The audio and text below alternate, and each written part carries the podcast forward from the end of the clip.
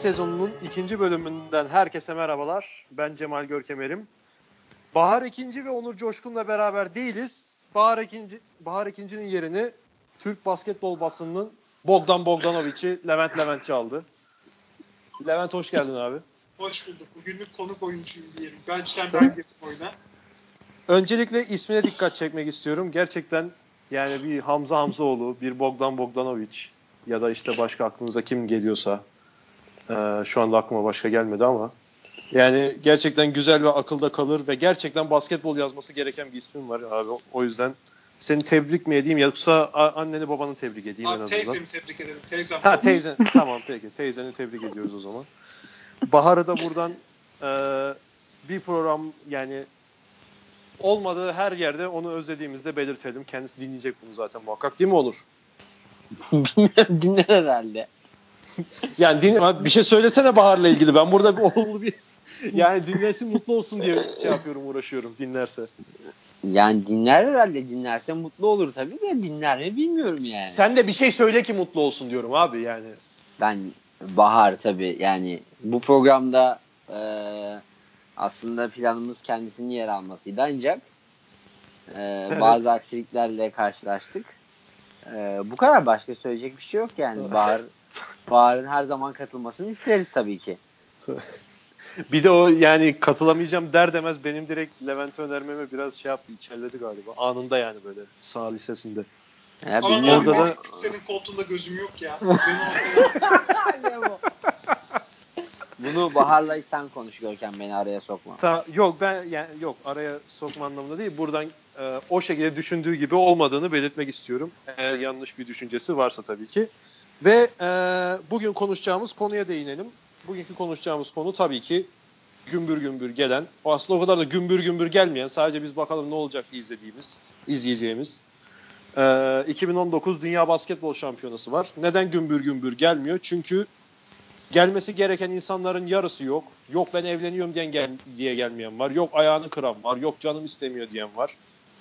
Bir de bunun eleme sistemindeki benim beni rahatsız eden son Avrupa şampiyonunun olmaması var. Var oğlu var. Pek çok olumsuz şeyler söyleyebiliriz. Ee, takımlara geçmeden önce turnuva formatı ile ilgili neler söylemek istiyorsunuz? Bu konuda sözü ilk e, konuk oyuncu, kend, evet, kendisini konuk oyuncu olarak tanımlayan Levent Leventçi'ye verelim. Buyur abi. Abi bence şöyle söyleyeyim formatta şöyle bir saçmalık var. Yani öyle bir ABCD ve yan ABCD grubu ve kalanlar diye ayrıldı ki Sırbistan'la İspanya büyük bir sakatlık yaşamazsa yani yürüye yürüye yarı finale gidecek gibi duruyor. Diğer tarafta cadı kazanır. E bence inanılmaz hani kura şansı mı diyeyim abi bir A grubu çekilmiş evlere şenlik ya. FIBA Europe Cup grubu gibi. Yani tamamen şansa dayalı şu an. Diye, ters tarafta o GH tarafında o e, Fransa, Almanya, Kanada, Litvanya, Avustralya beşlisinden üçü zaten elenecek çeyrek finale gelmeden. Çıkan ikisi de muhtemelen Amerika ve Yunanistan'la eşleşecek abi böyle şey mi olur? Diğer tarafta Sırbistan'la İspanya sakatlık yaşamasın. işi ciddi alsın. Yarı finalde zaten kafadan. Bence saçma ya, bir format. Şeyi soracağım. Bunun bu bahsettiğin sorun torba sorunu. Bayağı bir yani ciddi bir torba sorunu bence. Torbalama ben, sistemi neye göre bu evet. yani? Tabii onu bilmiyorum onu da bence musunuz? şöyle olması lazım. Şampiyonlar Ligi'nde oluyor ya futboldan. Gruplar çık geçildikten sonra birinci, ikinci kura çekiliyor. Ağaç tekrar hani kuralarla şekilleniyor evet. ya. Bence Dünya evet. Kupası'nda da öyle olsa daha adil olurdu. En azından çeyrek finalde kurayla belirlense daha adil olurdu. Şimdi çıvıç içerisine döndü iş. Bir Abi, Fransa'yı falan Almanya'yı atlar ölüm tarafına Avustralya'yı. Ee, orada işte Litvanya'yı. Yani benim bana soracak olursan eğer ben formatta değil de takım dağılımında ki senin de söylediğinden bunu anladım.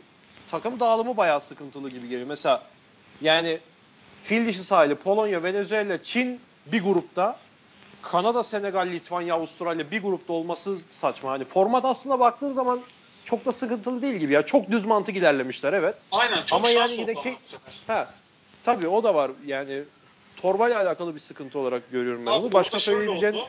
Evet. Şunu ekleyeyim. Çin ev sahibi olduğu için birinci torbadan girdi kuraya. Çin birinci torba takımı olunca işler değişti tabii. Yani Çin'in birinci torba takımı olması demek Ya, ne bileyim mesela turnuva 2010'da Türkiye'deydi. 2014'te İspanya'daydı. Bir İspanya ile Türkiye'nin birinci torbaya girmesi var. Daha dengeli dağılım oluyor. Bir Çin'in girmesi var. Hı hı. E Çin girince işte işler böyle biraz karışıveriyor.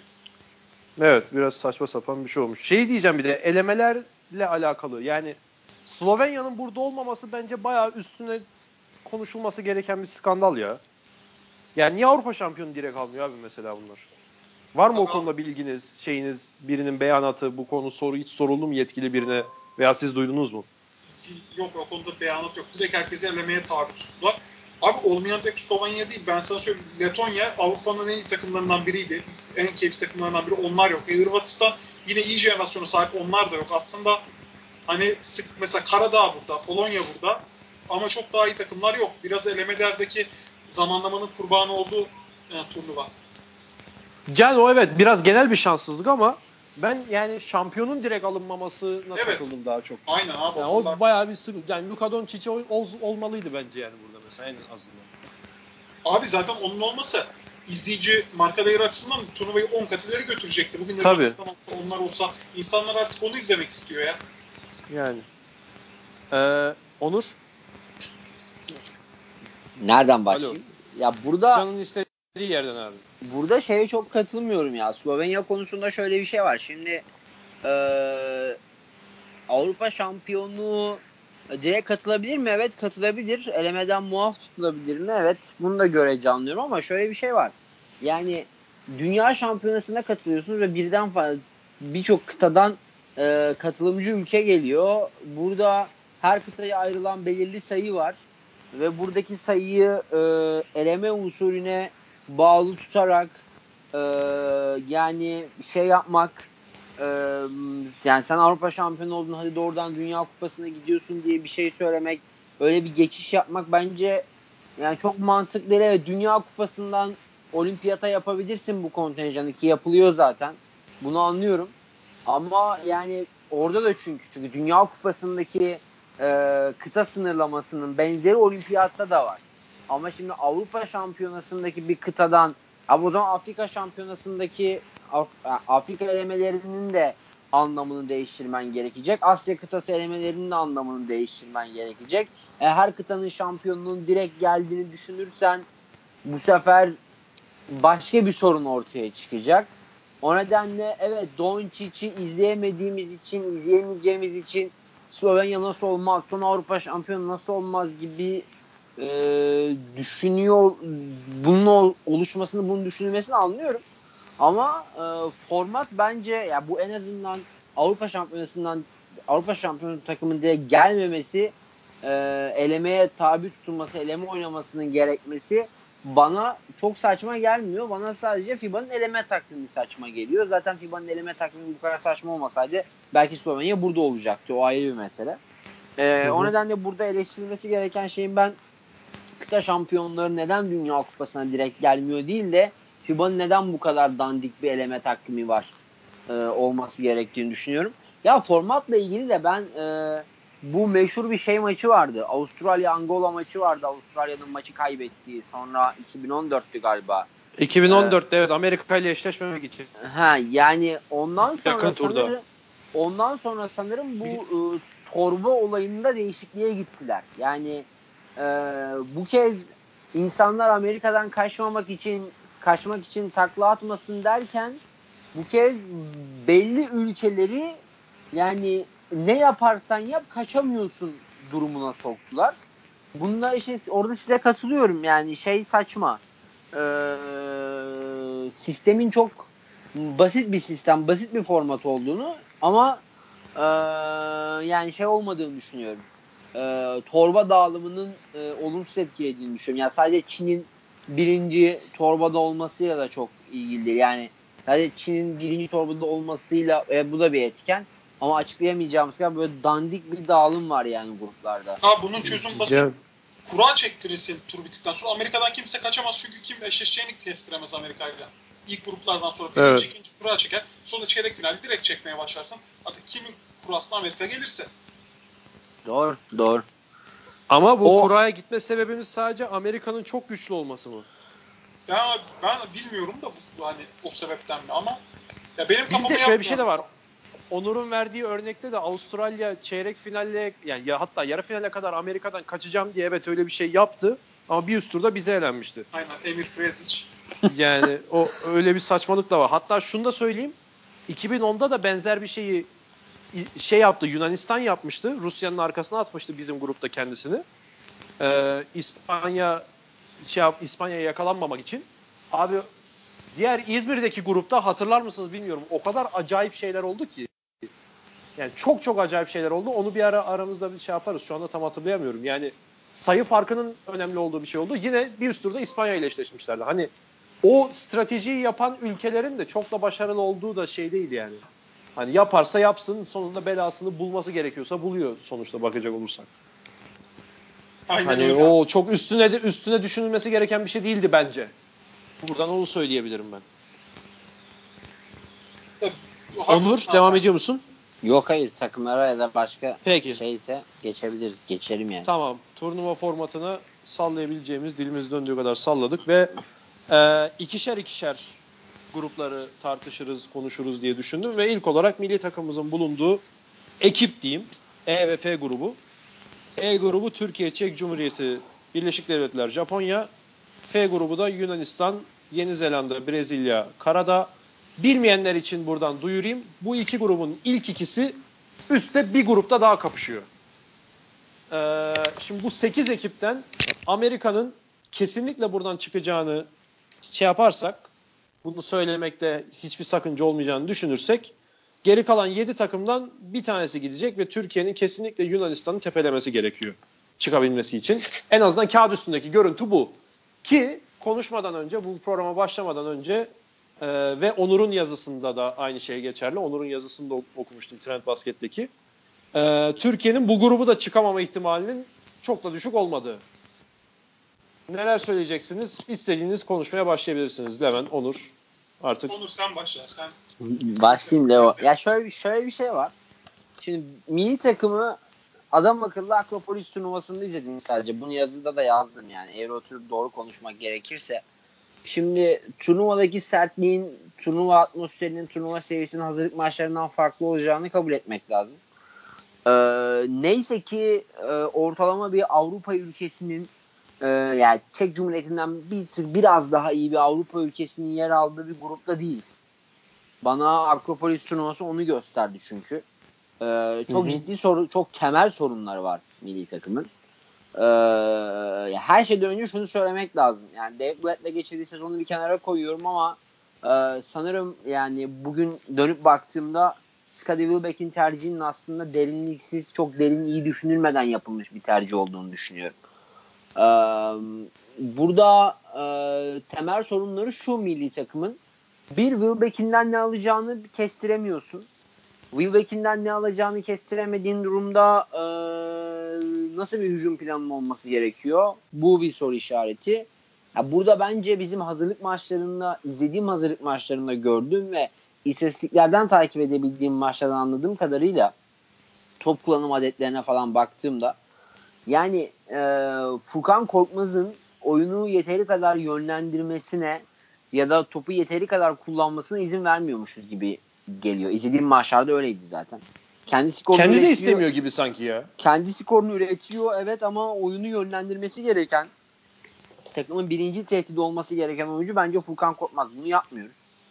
Ee, topun Oraya araya gireceğim abi. Onu te- genel bir teknik ekip şeyi mi kararı mı yoksa Furkan kendisi de biraz çekiniyor. Ya ben, Bana ben çekiniyor teknik, gibi geliyor. Ben teknik ekip kararı olduğunu düşünüyorum. Çünkü ya Wilbeck'in elinde top kalmasını anlayabiliyorum bazen. Ya Wilbeck'in o topu kullanmasını anlıyorum ama top Wilbeck'in elinde kalma mesela takım çok hareketsiz bir oyun oynuyor. Zaten elinde Semih ve Sertaç oluyor maçın bazı bölümlerinde ister istemez yani bir oyuncunun hareketsiz duruma düşmüş oluyor ama şimdi burada e, şöyle bir tercih hatamız var bence.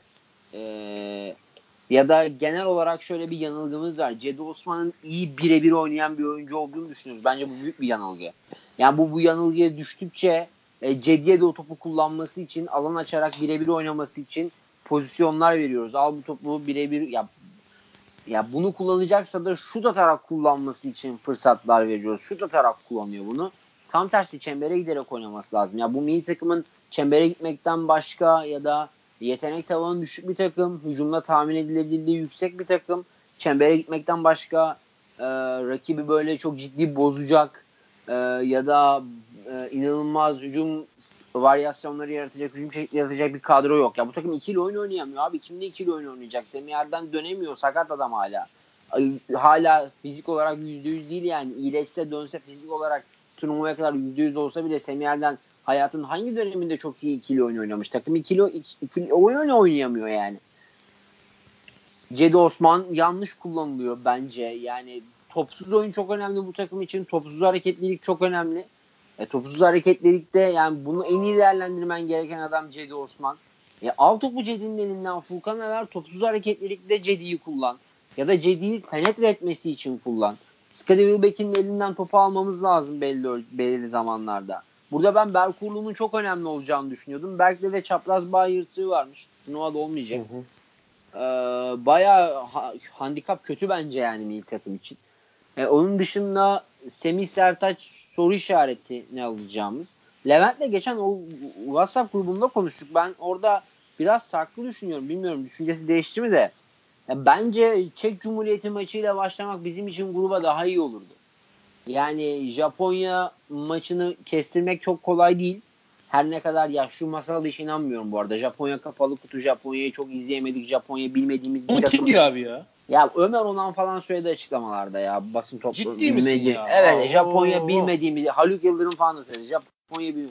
Abi elemelerde o elemelerde 500 tane maç 50 tane maç oynadı bu adamlar. Hiçbir şey izlemediysen elemeleri izlemişsindir. Yani ya hani, abi 70'lerde bile takım kasetine falan ulaşılıyordu. Ne yapıyorsunuz siz ya? Bilmediğimiz takım ne demek? O nedenle Git Japonya, iste bul yani. Japonya Özür maçının Japonya maçının yok yani Japonya maçının e, şey ben Japonya maçıyla başlamanın dezavantaj olacağını düşünüyorum. Milli takımın e, ini çok iniş çıkıyor. Akropolis sonrasında inanılmaz iniş çıkışlı bir o, inanılmaz iniş çıkışlı bir oyun oynadı. Yani hani e, savunma konsantrasyonu çok yüksek olduğu bölümler vardı. Ama aynı zamanda hücumda hiç kimsenin hareket etmediği bölümler de vardı. Yani e, zaten belli oyuncuların hareket mesafeleri çok kısa, çok düşük. E, hareket etmesini beklediğimiz oyuncular hareket etmeyince çok hareketsiz, çok statik. Sadece topu elinde tutan oyuncunun oynadığı ve diğer dört oyuncunun beklediği bir takıma dönüşüyordu zaman zaman. E, bu handikap olabilir. Özellikle Japonya gibi hareketli oynayan bir takım karşısında sorun olabilir.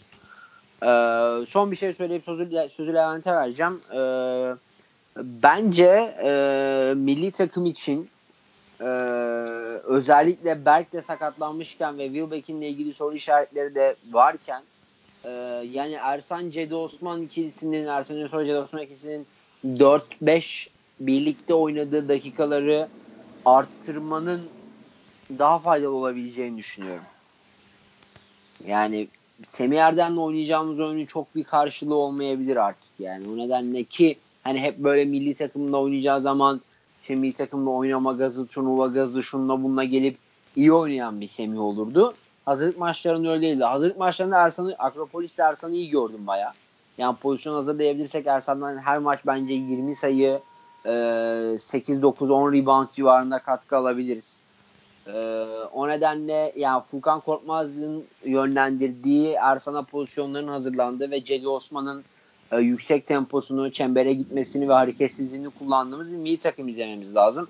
Bunun tam tersi olur. Furkan'ı köşede atıcı olarak beklettiği topu birebir oynayıp üçlük atması için Cedi Osman'ın eline falan verirsek hiç çekilmez yani diyorum ve o zaman Japonya'nın altında kalabiliriz işte grupta. O çok büyük rezillik olur yani. Levo sen ne diyorsun? Abi ben önce şöyle başlayayım. Ya şimdi Wilbeck'in devşirme olayı şöyle gelişti aslında. 2017 Eurobasket'e giderken biz Dixon'la gidecektik. Zaten Dixon'ı devşirme. Dixon sakatlığı sebebiyle turnuvaya gelemedi ve orada Cedi zorunlu olarak top yönlendirici oldu takımda. Ya yani biraz orada zorunlu olarak işler Cedi'ye kalmış. Cedi orada fena iş yapmadı abi. Ve o zaman e, Ömer Faruk ikinci sesli kolejde ve iyi oynuyordu. E, ya bizim milli takımda gelecekte pivotu Ömer Faruk'a emanet edileceğim, emanet edeceğimizi düşünüyordu ki herkes öyle düşünüyordu. Abi ondan sonra Ömer Faruk kolej değiştirdi. Federasyonun arası açıldı. Biz pivotsuz kalma olayımızla devşirme olayını bir ayırmak lazım. Ömer Faruk'a hazırlanan bir pozisyon vardı aslında. Şimdi millet şey diyor çünkü acaba bu hakkı biz pivottan yana kullansak Wilbeck yerine daha mı iyi olurdu? Şu an baktığında daha iyi olurdu. Ama o gün 2018'de Wilbeck'in devşirilirken Ömer Faruk'un bu kadar şeyden çıkacağını, kolej kolej değiştireceğini, bir sene oynamayacağını ve federasyon arasında açılacağını kimse bilemezdi.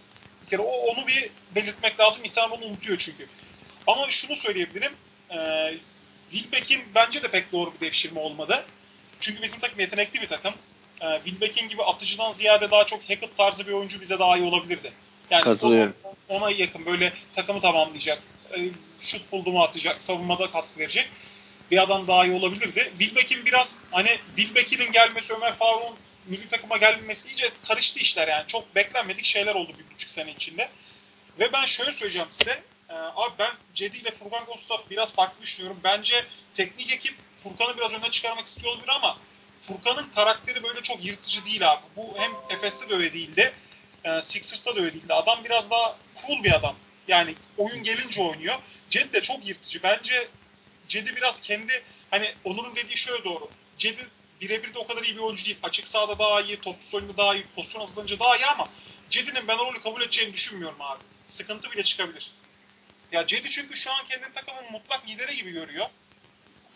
Ya LeBron'la oynadığı bir sene Cedi'yi bence çok değiştirdi. Bazı çok iyi özellikler verdi Cedi'nin oyununa. Ama bir anda milli takım üstünde çok sahipleniyor. Eyvallah bence sonuna kadar helal olsun. Ama ya Cedi şu an çok koçun elinde hani coachable bir oyuncu mu emin değilim şu an. O kadar mı diyorsun? Ya abi ya demeye çalıştım. Cedi çok takımı sahiplendi abi. Şu an takımın hani Evet. mutlak hakimi gibi. Ben hani teknik ekip atıyorum. Bizim üçüncü, üçüncü maç Çekya maçı. Çekya maçında Hı hı. şey dese Cedi'nin bunu e, çok çok hani uygulayacağını sanmıyorum. Ya Cedi bugün biraz Furkan üstten oynayalım. İkinci tur için hani Furkan'ı biraz ısıtalım. Sen biraz daha topsuz oyna. Furkan yönlendirsin oyunu dediği zaman mesela Cedi'nin buna nasıl bir reaksiyon vereceğini ben merak ediyorum. Ya bence Ben- Cedi, en büyük kozumuz Cedi, liderimiz de Cedi. Ama hani iş Furkan'a, Furkan'a hani Furkan'ın rolünü de biraz Cedi aldı gibi. Ben öyle düşünüyorum. Anladım. Ya o o benim için açıkçası Cedi'nin öyle bir durumda olay çıkarıyor olması yani amiyane tabirle söylüyorum. yani. Yo yo yani amiyane Aynen. tabirle konuşuyorum. Hani öyle ta- tarif ettim. Yani bunu kabullenmiyor olması bana açıkçası biraz sürpriz gelir. Çünkü abi Furkan'ın şimdi Cedi tabii ki şu anda e, Furkan'a nazaran çok daha şey bir oyuncu nasıl söyleyeyim. İyi ve tercih edilebilir bir oyuncu pek çok takım için. Veya işte nasıl söyleyeyim daha ön planda bir oyuncu. Evet kabul. Ama abi Furkan'ın yapabilecekleri çok acayip seviyelerde yani. Evet abi işte o var. E, Ve- elemelerde de gördük. Bak ben Furkan yani. kadar temiz, temiz şutu olan bir Türk oyuncu hatırlamıyorum yani. İbrahim Kutlay bile öyle değildi bence. Furkan'ın Evet. acayip temiz bir şutu var ya. Abi Ve şöyle tamamen bak. bilekten alıyor onda. Yani bu müthiş bir özellik. Ben bilmiyorum. Fur- Cedi'nin de bu anlattığımın farkında olabileceğini düşünüyorum açıkçası. Abi ben Sen devam et ya. Mesela Cedi 33 sayı attı Venezuela maçında. Ya Venezuela ya Porto Rico'ydu. Ya kaybettiğimiz Venezuela maçını Venezuela maçı Venezuela. Abi Evet, Furkan, Venezuela. Furkan bir maçta 33 sayı atsın. Milli takım Yunanistan'ı bile yener. Öyle söyleyeyim. Evet abi ben onu diyorum Evet. işte. Cedi'nin 33 attığı maçta Venezuela'yı bile kaybedebilirsin ama. Evet evet bu nedenle milli takımın ya teknik ekibin kafasındaki plan ben de senin gibi Cedi Osman daha ön planda olacağını düşünüyorum. Ama bu takım toplamında milli takımı daha başarısız bir turnuvaya götürecek bence. Evet ona Evet. ona ben de ben, li- ben liderliğin Cedi Osman'da olmasından yana hiçbir şüphem yok. Bence en doğrusu ama Cedi'yi daha böyle olması gerektiği bölümlerde kullansak. Daha toplu oyunu Evet. açık sahada. Ya yarı saha hücumunda çünkü Furkan daha yetenekli oyuncu abi Cedi'den Furkan.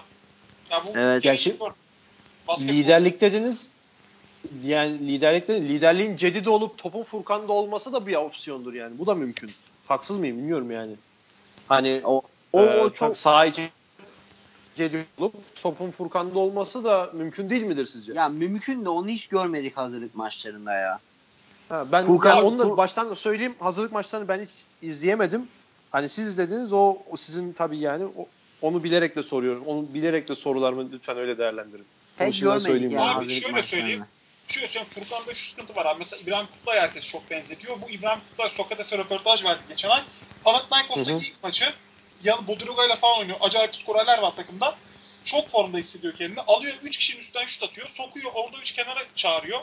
Buna buna bayağı bağırıp çağırıyor. Senin yanında Bodiroga var, o var, bu var, şu var. Sen sen kimsin? Bunlardan iyi misin? Sen ne alt yemeğe bu şutu kendin atıyorsun diyor. İbra, İbo ondan sonra daha paslı oynuyor. Biraz kendi kontrol ediyor ama adamda o içgüdü var. Bizim Furkan'la alakalı bence Furkan'da işte o, o yırtıcılık biraz sıkıntı Furkan'da. Cedi'de o var.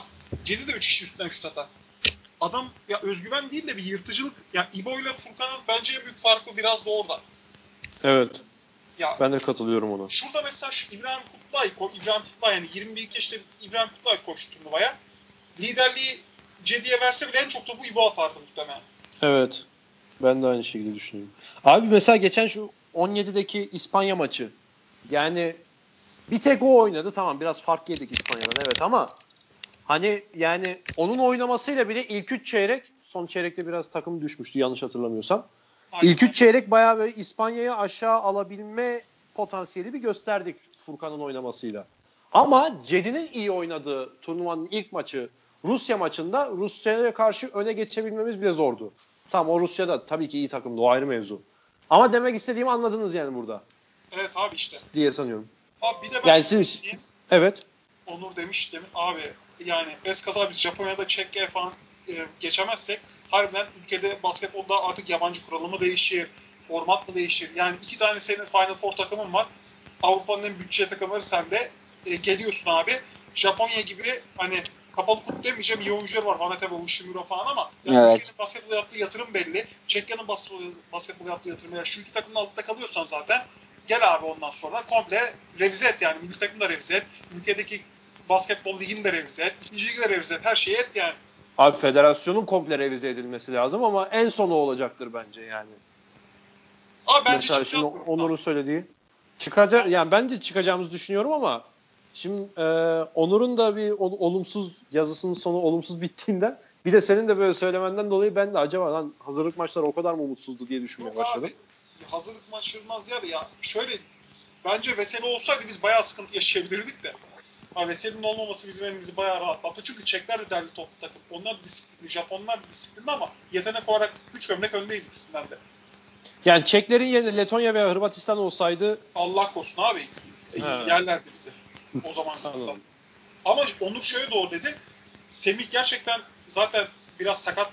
Ya, idmanın hazırlık bölümünün hazırlık kampının ilk bölümünde Semih hiç oynayamadı Slovenya'da falan. Kampta idman yapamadı. Semih'in sakatlığı var. Hani Cedi'yi 4, Ersan'ı 5, Furkan'ı 2-3 gibi oynatıp öyle bir sistemle oynamak daha iyi şu anda. Tolga Evet takımda çok büyük faktör olurdu geçim. Zaten Utku Hoca beğeniyor kendisini ama onun da sakatlığa sakatlık yüzünden oynayamaması büyük şans. Eurobasket 2000 oyundan sonra burada da sakat. O da açıkçası biraz planları bozdu.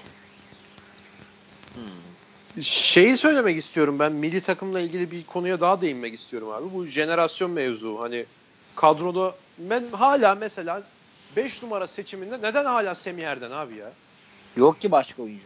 Yok işte yani neden yokuz biraz derin bir soru sor biraz şey bir soru soracağım. Derin demeyeyim de hani daha geniş kapsamlı bir soru sormak istiyorum. Şimdi bak e, Cedi 95'ti, Furkan 97'di değil mi? Hani Evet. o onların olduğu genç milli takımda böyle Allah Allah yani genç şeyde e, milli takımlar turnuvasında madalya bırakmıyordu kimseye. Aynı sene içerisinde 2014 olması lazım. U18 ve U20'de biri Yunanistan'da birisi Konya'da altın madalya almışlığımız vardı. Şimdi bu, bu jenerasyonu hatta bir tane U18'in Konya'dakinin MVP'si de Egemen Güven'di. Evet. Şimdi Semih Semih'ten bahsederken yani mesela ne oldu abi Egemen Güven'e? Niye hala biz Semih Erden'le devam ediyoruz? Yani demek istediğim şey şu. Bu konudaki fikirlerinizi tabii ki merak ediyorum. Pek çoğunu da biliyorum. Onur'un yazdığı yazıdan. Levent seninkileri tam olarak hakim değilim. Bilmiyorum. Sen yazdı yazdıysan kaçırmış olabilirim. Ben de şey. Yani Semih Erden görmekten bıktım abi ben milli takımda. Çünkü Eurobasket 2017'de saç baş yoldurdu bana herif. Bilmiyorum aynı fikirde misiniz? Yani e, bu jenerasyonu yenilemeye uğraşıyoruz ama hiç gelmiyor. Yani geliyordu aslında. Niye biz çıkaramıyoruz abi bunları ya? Niye olmuyor bu yani? Neye hala Semih Erden? Lütfen devam et. Şöyle olmuyor. Ya bu basit ülkede gününde parasını ödeyen 6-7 takım var. 18-19 yaşındaki genci bugün o 6-7 takım e, kendi çıkarları doğrultusunda bunlar Euroleague, Eurocup oynayan, ligde iddialı olan takımlar. Adam 18-19 yaşındaki oyuncuyu haklı olarak en fazla 10-15 dakika oynatıyor. Gelişim belli bir raddeye kadar oluyor. Ve bunu çok oynatabilecek takım diyor ki ben parayı verirsem, oynatırsam küme düşme şansım var. Zaten maaş geciktiriyor. Oyuncu da garanti kontratı bulunca büyük takımdan orada kalmayı tercih ediyor. Egemen atıyorum o gün de büyük büyük çekmece gelseydi Egemen'in dakikası çok daha fazla olacaktı. Belki oyuncu oyunu geçecekti ama Egemen ödemelerinde büyük sıkıntı olacaktı. Karşıyaka gibi gününde parasını alamayacaktı. Ya o biraz ülkenin alt takımlarında ekonomik şey o kadar sıkıntılı ki insanlar risk almayı istemiyor haklı olarak. Çünkü sonuçta bunlar sporcu. Adam atıyorum büyük çekmece iki yıllık imza atar. iki kere yan çapraz bağları koparır. Herifin kariyeri biter. Hiçbir birikim yapmadan kariyeri bitmiş olur. Adam bir de para, büyük çekmece örnek olarak verdim. Kapanan takımı söyleyelim atıyorum. Trabzon olsun. Bir Uşak olsun. Evet. Abi eğer alttaki takımlar istikrarlı olsa, ne bileyim İspanya gibi olsa, Almanya gibi olsa, kimsenin FIBA dosyası olmasa, Fransa gibi olsa, herkes en azından verdiği sözü tutsa, gününde ödeme sözünü, herkes hı hı. gençler risk alır abi. Kimse şimdi almıyor ki. Ben ben ben Peki, genç olsam ben de gitmem. Sakatlansam yani, çünkü. Doğru söylüyorsun da yurt dışından hiç teklif almıyor mu abi bunlar? Alıyorlar, düşük alıyorlar işte. Orada belki federasyon gidene biraz teşvik falan vermeli gelecek dönemde. Ya az alıyorlar ama bence hepsinin gitmesi lazım. Hem parasını günde alıyor yurt dışında çünkü. Şimdi Okben gitti. Mert Akay gidiyor. Ee, ne bileyim şeyler falan. Kenan gitti. Kenan gitti. Şimdi yeni yeni hem Türkiye'de para azaldı basketbol piyasasında dönem hem de orada hı hı. garanti parayı alacaklar ya hepsi gitmeye başladı. O gelişim için önemli bir artı olacak ama yani Türkiye'de kalanların da abi küçük takıma giderse ödemesi de garanti gününde alabilmesi lazım falan yani. Bence komple bizim sistem oyuncu yetiştirmeye müsait, yetiştirmeye müsait, geliştirmeye müsait değil. 18 yaşına kadar yetiştiriyoruz. Sonra profesyonel kontratı imzaladıktan sonra abi işler biraz karışıyor.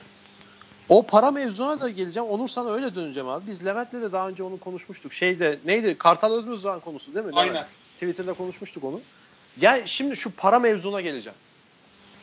Ee, e, abi o yurt dışında düşük paralar diyorsun da mesela atıyorum şimdi Kartal üzerinden konuşalım.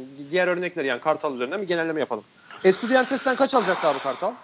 Abi maksimum verse verse adam hem kontenjan açacaktı Şimdi orada kontenjan sıkıntısı var. Yani onlar hani AB vatandaşlarını daha rahat oynatabiliyor ya da bilmem ne pasaport olanları. Evet, yani maksimum evet. verse maksimum verse verse 125 bin dolar veriyor. 125 bin. Aynen. Bu yıllık değil mi bu arada? Yıllık aynen. Türkiye'de kaç alıyor şu anda Darüşşafaka'da değil mi? Kaldı. Darüşşafaka'da kaldı. Yani Galatasaray'dan söylenene göre 1.7 istemiş. Darüşşafaka'da da muhtemelen yani 225 bin dolar, 250 bin dolar arasında bir şeyde kalmıştı ama Darüşşafaka'da yani. 250 bin dolara kaldı. Ya 200 225 ile 250 arası bir şey kalmıştır. O da Anladım. Yani, seviyordu çünkü. Aşağı yukarı yani şimdi bu adam 250 binle alabilip 125 binle alamayacağı ne var ya? Ben onu merak ediyorum. Siz basketbolcularda daha çok muhatapsınız. Bunu yüzden soruyorum. Onur sana soruyorum özellikle bunu. Abi, Abi bu nasıl bir bakış açıdır yani? Kısa vadede düşünme adam oradan alacağı parayı yani yarınını bilmediği için birikim olarak da görüyor olabilir Aynen. yani. Hani ben bunu kenara koyayım düş ya ha, hiçbir şey geçtim. Yani ne, ne bu nasıl harcayacak diye bakmamak lazım. Yani adam bir yerde 10 veriyor, bir yerde 20 veriyor sana. Yani parayı düşünüyorsan ve hani bu yarını da daha iyi olsun istiyorsan, cebinde paran kalsın istiyorsan e gidersin Hı-hı. tabii ki oraya yani bu çok doğal. Peki yarını düşünen bir insanın İspanya'da iyi süre bulacağı şeyi mi daha tercih Abi etmesi yarın gerekir? bak o, oyun bak ben haklı çıkarmak için söylemiyorum ama. Yok anlıyorum demek istediğini. Oyun de. olarak falan söylemiyorum ben. Adamın Aşil tendonu koptu ne yapacaksın? Ha, evet abi o çok büyük dert işte. Ne yapacaksın abi? Aşil tendonu koptu. Herkes e, Tyler ya da bacağı kırıldı. Tyler Ennis gibi ya da zamanında Engin Aksür bir sürü sakatlık yaşadı. Engin Aksür gibi e, oynamadı. Ya oynayamıyor. Abi şu an Hı-hı. Türkiye'de hiçbir kulüp bacağı kırılsın oyuncunun. Yani o birkaç kulüp dışında Fener Efes, Tofaş dışında falan oyuncunun bacağı kırılsın atıyorum. Bir sene uzak kalsın, bir sezon oynayamasın. Abi sözleşme direkt dondurulur. Maaş falan alamaz oyuncu. Yani Abi, bu her şey... yerde aynı risk vardır gerçi de yani doğru Abi, söylüyorsun aslında tabii ki. Ben demek istediğim yani bu zaten basketbolun içinde olan bir risk değil midir yani? Ne evet. düşünüyorlar da bu bu şekilde karar veriyor? Açıklıyorsun aslında da bana hala mantıklı gelmiyor. Adam garantiye alıyor abi. Ben bu çok anlaşılır bir şey bence. Ya burada bence tabii şeyi, ki doğru. Burada bence şeyi sorgulamak lazım. Yani ee, yani neden oradan da bu kontratı alabilecek ya Türkiye'de aldığı kontratı İspanya'da alabilecek seviyede neden değil? Yani evet. çünkü evet o da var. Çünkü abi dışarıda oyuncumuz yok ki. Ben bunun payı olduğunu düşünüyorum yani. Mesela şu anda İtalya yani futbolda Cengiz Ünder bir gitti abi yakın zamanda. E, Merih, Merihler bilmem şu anda yeni Roma'ya transfer olan Mertler falan. Adam yani Türkiye dükkanından bir malı beğendiği zaman geri kalanını da seviyor. Tamam Türkiye Ligi yani yani takımlar olsun, lig olsun tamam çok izleniyor mu bilmiyorum tabii ki ama kaliteli lig olduğu söyleniyor. Türk oyuncuları da tabii ki izliyorlardır. Ama biz Avrupa'nın herhangi bir yerinde başka bir ligde bir, hiçbir Türk oyuncuyu görmedik ki. Abi bak hani şöyle bakalım. bunun payı ol, olabileceğini düşünüyorum ben. Ben sana şöyle bir ekleme yapacağım. Şimdi yurt dışına giden futbolculara bakalım. Mert Çetin, Çağlar, Cengiz, Elif. Bunların hepsinin Türkiye maaşları çok düşüktü zaten. Hiçbiri ne bileyim. Fener'de Evet. bir tane Alper 20, 20 yaşındaki Alper kaç yaşa geldi? Fener atlamıyorum şimdi. Hiçbiri böyle acayip para Hı hı. kazanmamıştı 20 yaşta giderken. Cengiz muhtemelen Başakşehir'de alından fazla paraya Roma'ya imza attı. Evet. Bence evet. Çağlar da aynı şekilde baskette işte piyasa tersine döndüğü için olay Evet. sıkışıyor. Adam burada 250'den 125'e düşüyor. Takım iyileşiyor ama riske giriyor. Futbolda adam zaten atıyorum 100 ise 150'ye çıkıyor. Hem de takım iyileşiyor. Adam aslında maaşta da iyileşme oluyor. O yüzden onlar daha açık. Ben mesela benzeri futbolda olsa bence bu kadar futbolcu da gitmez açıkçası ama mesela Mert Çetin abi Gençler Birliği'nde kaç para alıyordur, alıyordur ki bu çocuk? Kontratı Anladım. kaçtır yani? Doğru Roma'dan söylüyorsun. Euro ile alacağı için zaten daha fazla para alacak. Ben yine de oyuncuların böyle biraz delilik yapıp yap, yani bu cesarete girmesi gerektiğini düşünüyorum açıkçası. Onur senin de bu konudaki fikrini alıp abi F grubuyla alakalı Yunanistan'ı falan konuşalım. Veya Ya, Amerika Birleşik Devletleri'ni. Ailesinin birikimi varsa alır bu riski. Ama yoksa alamaz yani. Ya da Yani başka başka bir mesleği yoksa alamaz yani. bu kadar da çocuk- korkulacak bir şey değil abi bu ya. Abi Mert Akay alıyor şimdi. Çocuğun ailesinin Mert- falan durumu iyi. Evet Mert alıyor. Alacak durumu var. Aldı. Darüşşafaka'da Ya, çok daha Doğru futbol- evet ama bu bu kadar da korkulacak bir şey değil bence ya. Bilmiyorum Abi yani. değil, ben, değil. ben, Ben- ben, ben- belki bilmeden konuşuyor da olabilirim. Değil de ben oyuncu ben, ben oyuncu psikolojisinden yaklaşıyorum sadece. E, tabii evet doğru. Ee, bu konuda Onur söyleyeceğin şeyler varsa Yo Lütfen hayır devam et abi. Yoksa- bu, bu kadar. Geçelim şeye. Tamam. Türkiye'ye geçelim. E, E grubundan Amerika Birleşik Devletleri'ni konuşalım abi önce. Bizim direkt rakibimiz. Bunların madalya durumu nedir? Altın madalyaya ne kadar yakınlar? Diğer takımlar Hmm. ne kadar tehdit oluşturur? Sırbistan gibi, Yunanistan gibi veya aklınıza gelen veya hazırlık maçında mağlup eden Avustralya gibi. Amerika hı. Birleşik Devletleri konusunda ne düşünüyorsun? Onur sen devam et abi. Ya bence altın madalya alacaklar yine. 2010 ve 14'te olduğu gibi. Ee, neden böyle düşünüyorum? Ya evet e, yani çok fazla oyuncu dışarıda kaldı. Yani inanılmaz adamlar, inanılmaz oyuncular dışarıda kaldı ama e, ya FIBA Dünya Kupası'nda basketbol seviyesi çok düşük olacağı için e, gelen kadronun da e, o kadar hep bu hep bu şey e, algı karmaşasını yaş- yaşıyor insanlar Dünya Kupası'ndan önce. Yani Amerika biraz kötü bir kadroyla gelse işte şey deniyor. Aa bu sefer şöyle işte şu olabilir. Ya evet ama hani artık özellikle NBA'deki atletizm seviyesinin ve e, hani e, sporcu donanımının çok üst seviyeye çıktı. 2000'lerin ortasından itibaren ki- 2010-2014 bunun en büyük ispatı bence. Ee, kadrolarında bir ya da iki tane e, özel oyuncu bulunduğu anda ya iki tane özel oyuncu bulunduğu anda zaten genel yetenek toplamı ile işi götürüyorlar. Ee, burada bu kez Greg Popovich gibi çok büyük bir avantajları var. Yani başka bir koçla gelselerdi bu kadronun zihinsel sorunlar yaşayabileceğini, e, FIBA basketboluna uyumda sıkıntı yaşayacağını falan öngörebilirdim. Bence yine yaşayacak. Popovic'in açıklaması vardı zaten kurallara e, ben de bakıyorum yani e, şey, hakim olmam lazım diye ama e, burada sanki Amerika için durumun e, yani Sırbistan'ı çok hype'lıyoruz haklı olarak. Heyecanlıyız Sırbistan, Sırbistan için ama e, sanki Amerika Birleşik Devletleri'nde ben o kadar da onlar için şey değilim ya karamsar değilim. Ben Donovan Mitchell'ın mesela çok iyi turnuva geçireceğini düşünüyorum.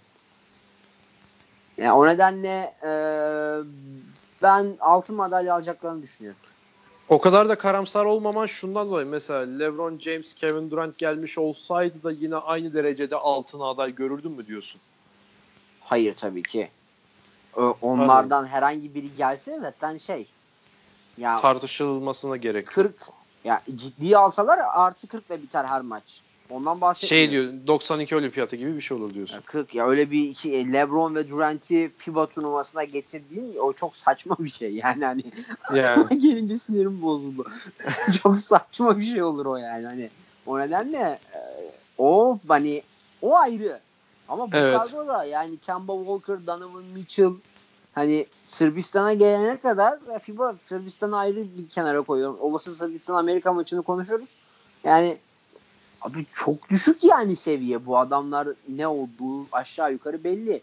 Yani Sırbistan maçında da mesela e, Greg Popovic çok ağır basar diğer tarafta. Yani Şaşa Djordjevic, Djordjevic nedir ya Allah aşkına diyorum. Ben ben onu da diyecektim. Yani Sırbistan'ın koçu Obradovic olsa ben iki ma- yani o iki takım maçında net Sırbistan'ı favori görürdüm onu söyleyeyim. Ve sözü Levent'e bırakalım. Buyur abi. Amerika Birleşik Devletleri. Abi yani Amerika bayağı eksik kadroyla geldi de bence asıl sıkıntı Amerika kampı belki iyi geçirmedi asıl kampını. Çok kişi geldi çıktı. Yani bu en son Amerika mesela 2004'te büyük fiyasko yaşamıştı.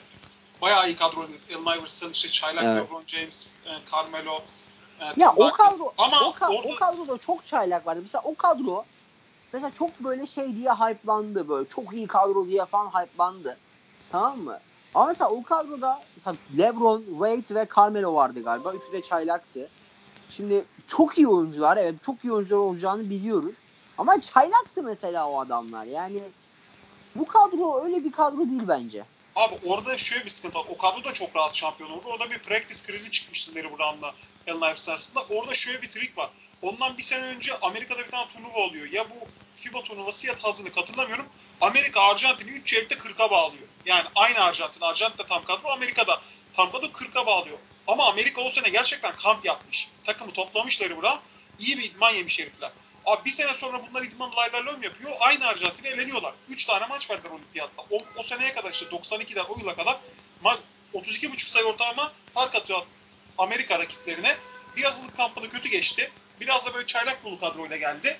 E, Porto Rico'ya, Litvanya'ya, Arjantin'e maç verdi. Bronzda şey kapattı. Turnuva. Bu benim Amerika'daki sıkıntım kadronun kalitesi değil o kadar. Yine en kaliteli kadro onlarda. Ne olacak? Adam e, Kemba Walker, Donovan Mitchell, e, Jason Tatum, Chris Middleton, Brook Lopez 5'iyle maça çıktı. Atarak 5 söyledim. Yine turnuvanın tartışması en iyi 5'i zaten. Ama adamların işte idmanları ne, çok giren çıkan oldu, geç gelen oldu, geleceğim deyip gelmeyen oldu. Darren Fox kampa geldi. Çok iyi top oyna, fena oynamıyordu. Burada çok fark yaratıldı. Hızlı Adam bir anda çıktı. PJ Tucker o, her, olduğu her takımın aslında bileğidir, yüreğidir. O bir anda kamptan çıktı. Yani çok değişkenlik oldu. Ben ona biraz e, güvenemiyorum. Yoksa bence de en büyük favori Amerika. Ya başka bir koç olsa bu bence sorun olurdu da. Yok ya Popovic ben onu turnuva içerisinde halledip yani kazanarak başladıktan sonra yani ilk grup bittikten sonra bunun üstüne çok durmayacaklarını düşünüyorum yani. Çok Evet, geride evet. kalır. Ya bir de sırf Onların- Popovic de değil. Koç ekibi bayağı sağlam ya. Yardımcısı kör falan herhalde. Steve kör falan var Evet, yardımcı evet, ekibinde. evet, Evet, evet, evet, evet. Koç bak- ekibi yani olduğu gibi bayağı yıldız. Ya şöyle ilginç bir şey söyleyeceğim. Bu da bence hani daha son yıllarda en azından son 15 yıllık süreçte bir ilk olabilir. İlk defa turnuvanın en iyi iki oyuncusu Amerikalı değil hatta en iyi üç oyuncusu bile Amerikalı değil diyebiliriz. Yannis, Jokic Evet. bence turnuvanın en iyi iki oyuncusu. Yani üçüncü de etki, basketbola etki olarak bakın Rudy Gobert sayabiliriz üçüncü oyuncu. O da Amerikalı değil. Ya böyle de bir ilginç Evet. durum var. Ama bu hani Evet. sonuçta ya- yan oyuncular yan parça toplama Amerika çok daha ağır basıyor da bu da hani ilginç bir durum. Çünkü 2010'da Kevin Durant gençken geldi ama yani Kevin Durant zaten turnuvanın en iyi oyuncusuydu geldiğinde. Ya şey yoktu ki. Şimdi Amerikan'ın elinde hani mesela Kemba Walker Yannis'ten daha iyi oyuncu değil Amerikan lideri. Yok işten de değil. Rudy Gobert'le eşit etkide sahip NBA'de öyle, öyle de denilebilir. Gobert çünkü çift yönlü. O biraz ilginç olacak ama bence de en büyük favori Amerika. MVP buradan çıkarsa kim çıkar sizce? Hadi şampiyon yaptınız Amerika'yı. Kemba Walker oldu bence. Donovan Mitchell olur. Jason Tatum. Jason Tatum hiçbir şeyine BSD MVP olamaz Jason Tatum. Ya Boston'ları düşman edeceğim size ya. Sen de aynı fikirde misin Levent? Yok abi bence Tatum şundan MVP olamaz. Ya Amerika'nın kazanması için bence kısa bir üstü oynaması lazım. Çünkü oradan vurabilir rakipleri. Abi ne olacak atıyorum Amerika Litvanya ile eşleş çeyrek finalde. Amerika forvetten fark yaratamaz ki Litvanya. Adamın elinde Ulanovas var. Dayak atacak. E, Kuz Miskas var. Dayak atacak yani. Oyun bence çok Tatum, Jalen Brown'la falan kalmaz Chris Middleton'a. Biraz kısalar üstünden vurdular gibi geliyor. Benim görüşüm. Anladım. Ee, e grubu oyunu or- burada o zaman geçiyoruz. F'ye geçelim. Yunanistan, Yeni Zelanda, Brezilya, Karadağ. Burada da hani e, Yunanistan eskiden sert takımdı diyebiliriz ama şimdi o kadar değil. Yine sert olabilse bile. Burada bayağı kavga çıkar gibi duruyor yani birkaç maçta. Brezilya, Yeni Zelanda, Yeni Zelanda'yı bilmiyorum açıkçası ama Karadağ'da Balkan ekolünden, Yugoslavya ekolünden geldiğini düşünürsek sandalye mandalye kırılabilir bir yer, birilerinin sırtında. Ben öyle düşünüyorum. Bilmiyorum aynı fikirde misiniz? Abi Levent Yunan- devam et abi buyur. Yunanistan yoluna bakar. Diğer üç, diğer üçü de birbirini yer. Yeni Zelanda biraz daha böyle e, daha böyle yumuşak diyeceğim ama e, hızlı oynamayı seven birbiriyle alışkın bir kadroya sahip. En azından bu skor atabiliyorlar. Öyle bir ilginç. Hı hı. Herifler ters geliyor abi. Yeni Zelanda oynamak pek kolay değil. Geçen İtalya'yı yendiler hazırlık maçında. Ya adamlar e, Avrupa tecrübeli oyuncuları da var yani. Kolay bir takım değil eşleşmesi ama ya Brezilya çok tecrübeli ama yaşlı bir kadroyla geliyor. Karadağ'ın da ya kısalar Allah'a emanet uzunlar da yani Boyan Dubljevic, Nikola Vucevic abi. Yani Vucevic sırtına alıp Brezilya Zelanda maçını kazansa şaşırmam ama kaybetse de şaşırmam. Yani bu grupta benim pek bir tahminim yok. Bence çok denkler. Üçü de üçü de yani 100'den not verecek olsam üçüne de 65 veririm herhalde. Peki biz E grubundan Çek, Çekya'yı ve Japonya'yı aşağı alıp çıktık diyelim. Yunanistan'la beraber Yunanistan'ı kenara koyacaksak bu geri kalan üçünden hangisi bize daha çok arıza çıkarır? Karadağ çıkarmaz abi. Yani onların kısa gerçekten kötü çünkü Tamam. biz Karadağ'la alışkınız oynamaya. Yani Vucevic yoktu ama Karadağ'a geçeriz. Ya, ya Brezilya abi orada çok tecrübeli bir takım. Ya, o kadar iyi bir takım demeyeceğim. İyi demeyeceğim ama tecrübe tecrübe. Tabii de Yeni Zelanda bize 2014 Dünya Şampiyonası'nda büyük sıkıntı çıkarmıştı. Biz çok zor dönmüştük onlara karşı. Hı hı. Ya ama bence aralarında en maraz çıkaracak takım en kalitelisi olduğu için demiyorum. Vucevic'i bir şekilde tutarız. Ama bence en büyük marazı Brezilya çıkarır gelirse. Ben, ben Abi Brezilya'da tecrübeden fazlası var bir de ya. Yani 2006 kadrosu var neredeyse. Ya Brezilya biraz Brezilya kokuyu alırsa ama abi şöyle söyleyeyim. Kim gelirse gelsin. Yunanistan'la Amerika karşı zaten Yunanistan'a yenilecek. Tersine Amerika yenilecek. Zaten muhtemelen elenecek abi. O yüzden hani zor. Yo hayır yani şimdi Yunanistan'ın çıkaracağı bize çıkaracağı arıza konusunu zaten tartışmaya gerek yok. Ben hani diğer takımların ne gibi yapabileceği cevabını almak istedim sadece. Abi formatı biliyorum. Mesela format Tabii. şöyleyse zaten hiç önemi kalmaz. Atıyorum biz ikinci çıktık. İlk, ilk maçı Hı hı. diğer grubun birincisi Yunanistan'la oynadık. Zaten 0-2 olduk. E son maçta Evet. 0-2 Brezilya'yla oynayacağız. Zaten Karadağ'la hiç sıkıntı olmaz. Zaten formalite maçı olacak o. Kim Tabii. oynarsa oynasın o saatten sonra. Doğru söylüyorsun. Evet o maç sırasına da bakmamıştım. Onur sen neler baktım. söyleyeceksin abi? Ya bence e, Yunanistan arkasından Karadağ çıkar orada. Yani Evet. ben e, Vucevic, Dubljevic yani iyi oyuncular, güzel oyuncular. Sanki böyle ben onlar için Yeni Zelanda maçı daha zor geçer diye düşünüyorum. Yavaş bir takım biraz Karadağ. Sorun yaşayabilirler ama bence Yunanistan'ın ardından e, Karadağ çıkar orada ama yani Amerika ile Yunanistan üst grupta buluştuktan sonra buradan istiyorsa Trinidad Tobago gelsin. Hiçbir şey fark etmeyecek. Yani kim gelirse gelsin. Orada bitecek Peki zaten hikaye.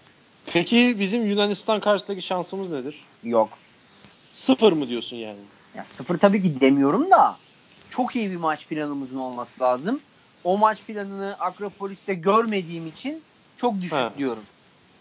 Abi bizim Yani- şöyle bir şey var. Bence Ya bir tek şey bir söyleyeyim şans var yani. Levo bölüyorum. Çok özür dilerim. Tamam söylesen sonra söyleyeyim. Yani abi zaten Yunanistan'ı yenmek için 40 dakika alan savunması yapmamız lazım. Yalnız da eşleşip yani olan. Çünkü takımın en büyük sıkıntısı çok şütör yok. Ya Allah yardım falan edecek. Ama düşük ihtimal yani. Ya Tanas satamıyor. Kalate satamıyor. Yannis'sa işte o kadar iyi zaten. Yani çok şütör bir takım değil onlar. Sadece gömüleceği içeride ya Yannis'i zaten tutamayacak. Alan da yapsak Yannis'i tutamayacağız. Sorun orada biraz. Adamı tutamıyoruz. Kimse tutamayacak bence ki- Sayı olacak Bir, bir bizim sorunumuz değil bence bu ya. Tutulamaması. Abi Amerika'da da tutabilecek adam var mı ki mesela onu? Bence onlar da yok. Ya o maçta da yanlış sayısını atacak da yani zor iş. Yunanistan zor ama kalan oyuncular yüzünden. Şu anda Yannis Yannis'le Ekpeyudo eşleşmesi bir anda kafamda canlandı. Nasıl bir şey olur acaba ya? Nerede Yani- denk geliyorlar onu da bilmiyorum da. Yani çok güzel koyar cebine.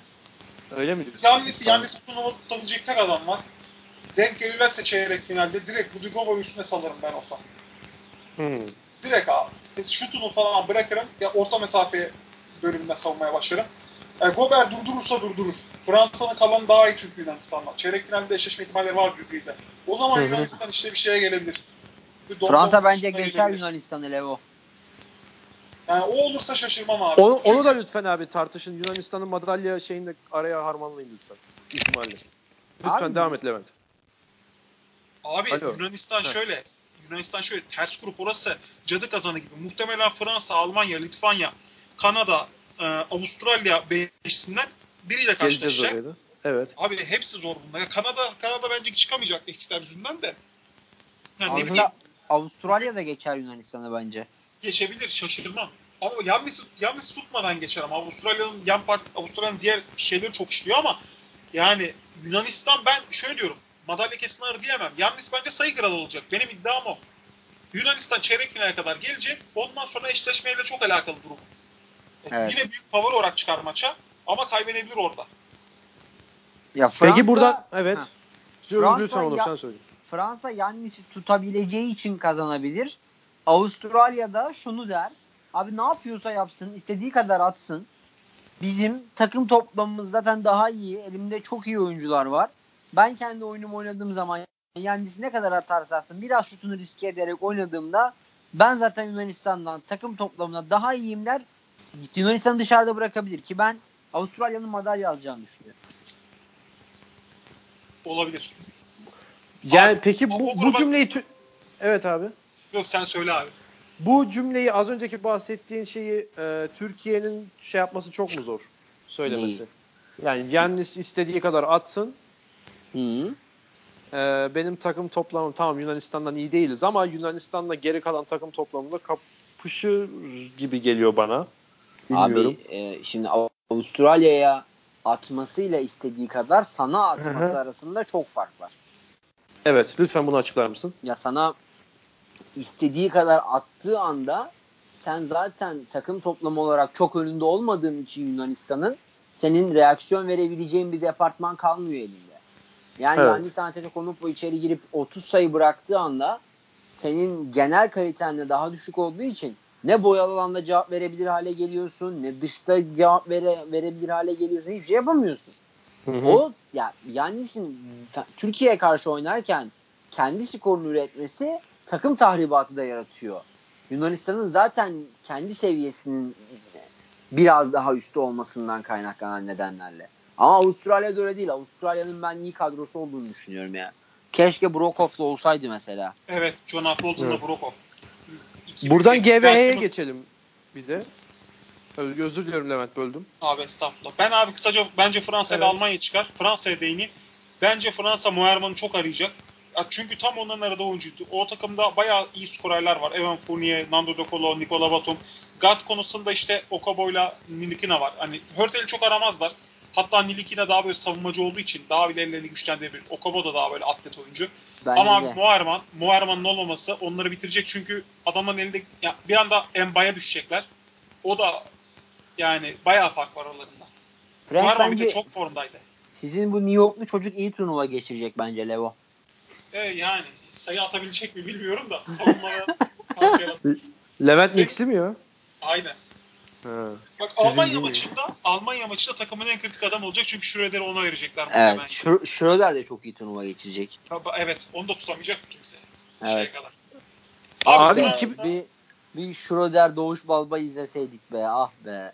Ya şeyi hatırlıyorsunuz değil mi? 2015'te e, Türkiye-Almanya grup maçında Ergin. Ataman'ın maç sonu açıklamasını. Yo hayır. Schröder'in Schröder'in nasıl tutul yani Türkiye kazanmıştı o maçı. Kritik Hı hı. bir maçtı. Schröder'in nasıl tutulacağını tüm turnuvada oynayan bütün takımlara gösterdik dedi Ergin Ataman. Abi bunu söylüyorum ve buradan dinleyicilerimizden rica ediyorum sizin de önünüzde varsa o maçtaki Schröder'in istatistiklerine bakın lütfen. Abi şey ya bu ben de Almanya Fransa'ya alakalı yani onun dediği gibi bence Fransa abi orası çok karışık. Benim orada bir tahminim yok.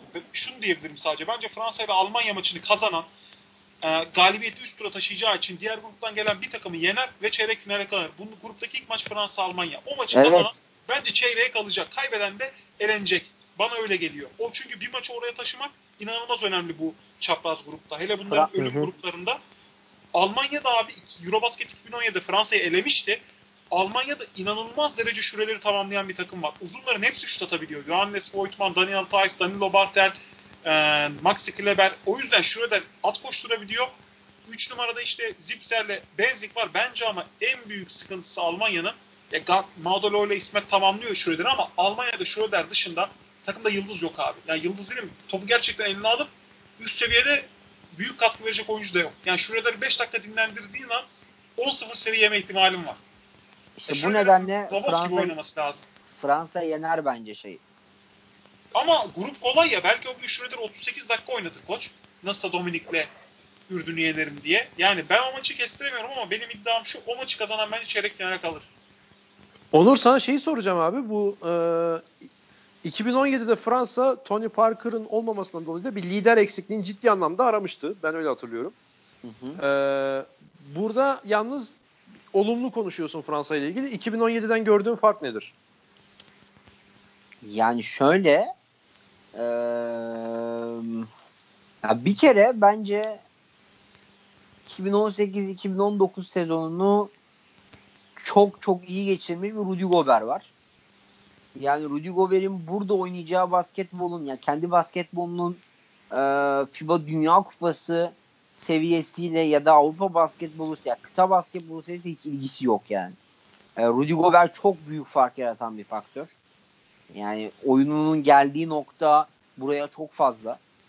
Yan Hı hı. parçalar iyi. Ellerinde ya yan parçalar dediğim işte evet belki bir numaralı pozisyonda e, yaratma öncelikli bir oyuncuları yok. Daha fiziksel oyuncuları var ki bu bence savunmada daha dirençli bir takım olmalarını sağlayacak. Ama topu emanet edebilecekleri oyuncular var. İşte Dekolosu olsun, Batum olsun. Evan Fournier mesela yine bence çok daha iyi durumda. İyi de bir hazırlık dönemi geçirdi bence. O nedenle ben Fransa'nın e, biraz e, şey olduğunu e,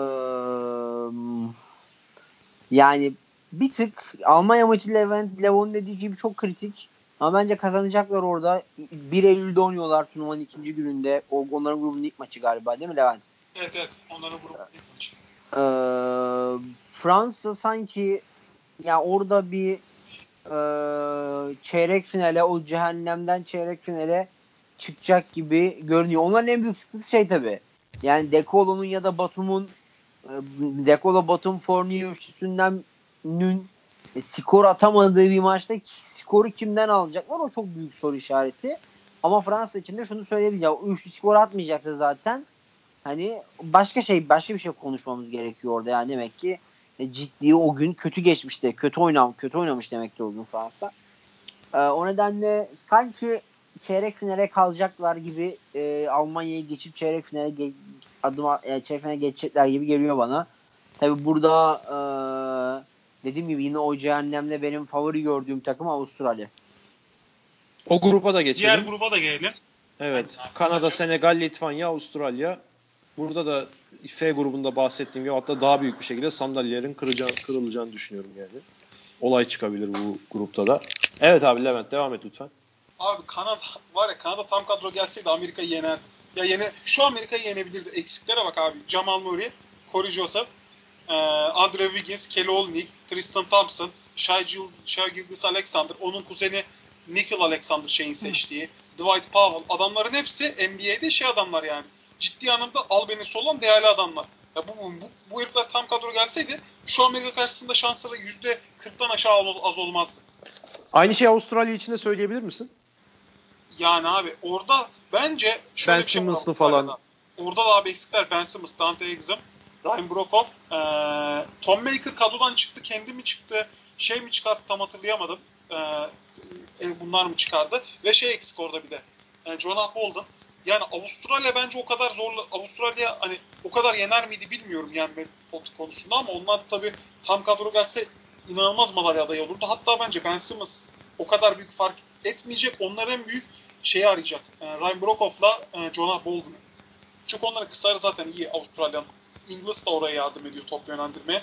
Onların tam Brokoff gibi Jonah Bolden bir iki tane böyle forvetleri paylaşabilecek şey adama ihtiyacı vardı. Atlet, savunma yapan, oyunu bilen. Şut atabilecek. O biraz onların elini çok e, sıkıntıya soktu. Çünkü Jonah Bolden bir anda kadrodan çıktı abi. Herif hazırlık maçlarında vardı. Onu beklemiyorlardı. O biraz işte işlerini karıştırdı. Oynuyordu çünkü takım da ona biraz alışmıştı açıkçası. Hani e, o sıkıntı oldu. Litvanya'nın şansı nedir burada? Abi, Hayır, Kanada devam et lütfen. Kanada'dan devam et. Öyle. Abi koruyacaksak yani Kanada normalde zaten gelmeyeceğini millet söylemişti. Ama Kanada koruyacaksak Kelly ve Cambridge üçlüsünü buraya getirecekti abi NBA'den. Ve hı hı. Chris Chris Butcher da gelecekti galiba. Butcher Ağustos başında çıktı ama diğer üçü gelecek gibiydi. Kelly sakatlandı. Hazırlık maçı sakatlandı. Kadrodan çıktı. Bunlar Sydney'e maça gitti Avustralya'yla. İki tane maç yaptılar. Birini aldılar, birini verdiler. Ee, abi Korcosov takımla beraber gitmedi. Nick Nurse koç orada. Nick Nurse'a sordular. Hı hı. Nick Nurse bilmiyorum gelmesini bekliyoruz dedi yani. Kanada ile turnuvaya 15 gün var. Kanada Korcosov'u gelecek zannediyor. Ama adam gelmedi. Kanada'nın tabi şu an bütün rotasyon Tufo. Kanada şok. E gelseydi Korcosov Kanada'nın burada şansı olurdu da. Şu an hmm. bence Avustralya Litvanya çok önemli. Litvanya abi Yaskevicius şu an oynuyor olsa 25 yaşından sonra şu Litvanya kadrosu şu uzun ve forvetlerle madalya alır. Ama Gat Kalnietis işte Allah'a emanet Lekavicius'ta. Orada siz e, Grigonis'in ne kadar süre alacağını düşünüyorsunuz? İkinize de soruyorum. Yani Leo ne diyorsun? En az 25 dakika ortalama alır. Yani Kalnietis'ten Kalnietis dedin hani guard Kalnietis Allah'a emanet falan hani ondan daha büyük etkisi olmaz mı?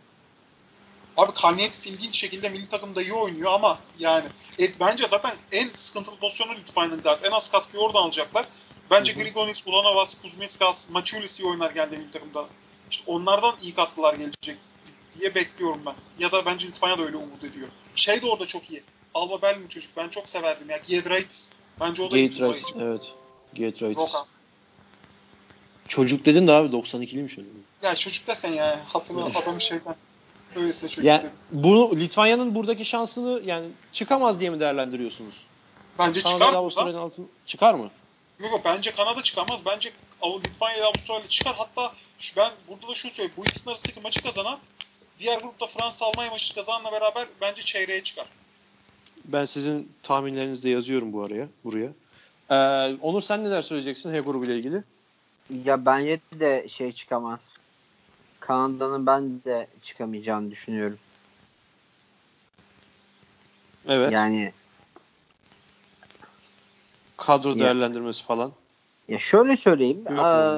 Av- Avustralya ile Avustralya ile ilgili söyleyeceğimi söyledim. Ben Hı-hı. bu Avustralya'nın da madalya alacağını, bu Avustralya'nın e, ülkesini en iyi şekilde temsil edeceğini ve gururlandıracağını söylüyorum. Evet. Sen de bayağı gururlu gibi söylüyorsun bunu. Avustralyalıyız. Evet, Abi Avustralya'nın evet. Avustralya'nın madalya alabilmesi için çeyrek finalde ya Amerika'ya da Yunanistan'ı geçmesi gerekiyor. Ben işte ondan emin olamıyorum. Bence oraya kadar gidebilirlerdi. E, yani şaşırmam Yunanistan'ı yenseler de iyi bir tahmin o yani. Olur. Size o, size o toplam tahmini soracağım ben. Şimdi siz Yunanistan'ı yenecekler. Yunanistan'ı yenecekler. Yunanistan bu turnuvanın en overrated takımlarından biri kardeşim. Oo, Eyle oturup doğru konuşalım. Rasim Ozan Kütahyalı çıkışı ya. Oo.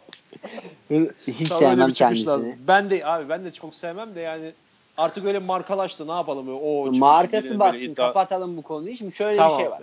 Bakın bu Avustralya milli takımı bir kere Patty Mills ve Joe Ingles gibi iki tane yüce karaktere, iki tane yiğide emanet.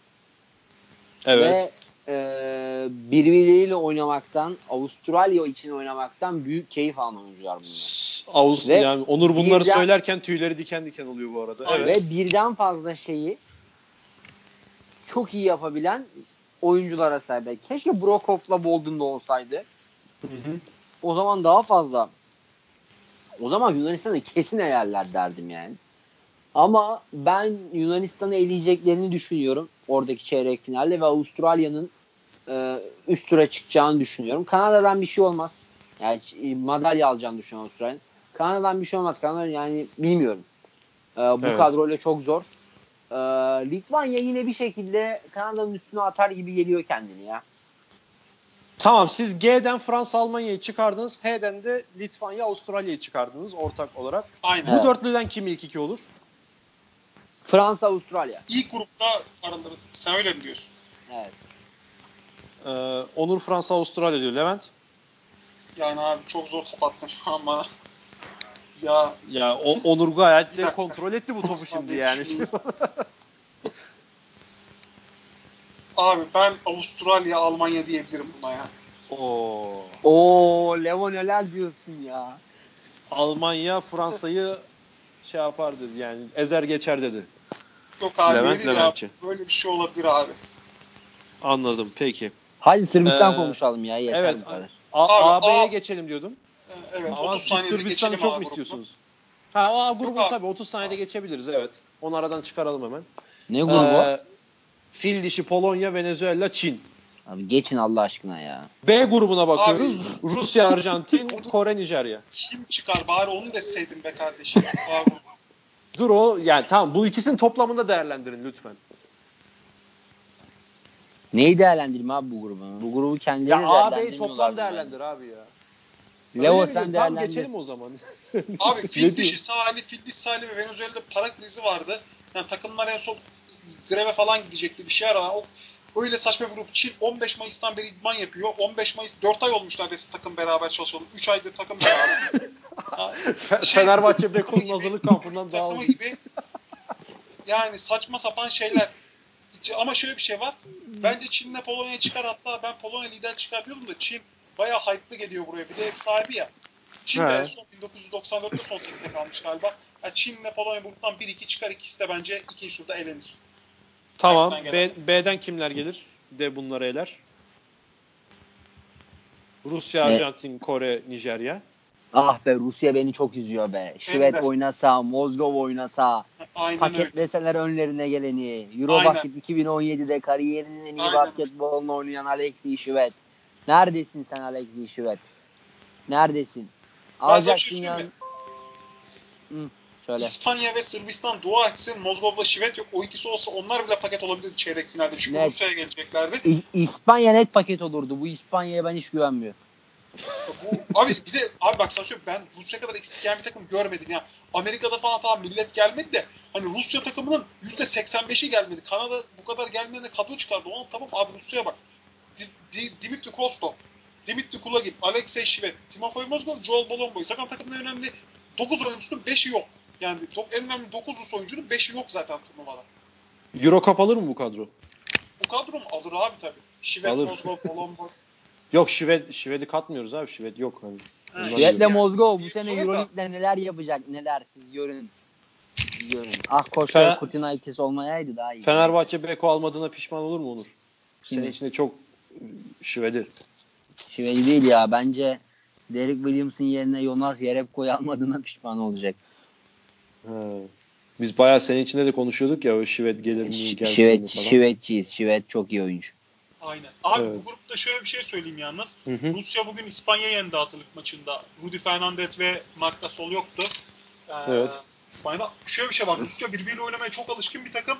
Burada Nijerya çok iyi bir kadroyla geliyor. Tane'nin Nijerya kadrosu da geliyor ama bir para sıkıntısı oldu. Ekbe tweet atmıştı geçen hafta. Yani takım çok iyi. Şu an o çözüldü. Kadro da iyi ama Nijerya kadrosunun birlikte oynama tecrübesi hiç yok. Rusya'da inanılmaz eksiklere rağmen e, birbiriyle oynamaya alışkın. Bir de inanılmaz dayakçı bir takım. Kadronun 3 numarası Kurbanov 4 numarası Voronsevic zaten. Prizonlar falan da var yani. Takım sıra dayağına çekecek muhtemelen önüne geleni. Zaten Arjantin'i yani. de döverler mi? Yani Rusya'nın maç kazanması için rakibin 65'i falan geçmemesi gerekiyor da. Ya mesela bugün. Yunanistan İspanya'yı 55'e tutmuş herifler.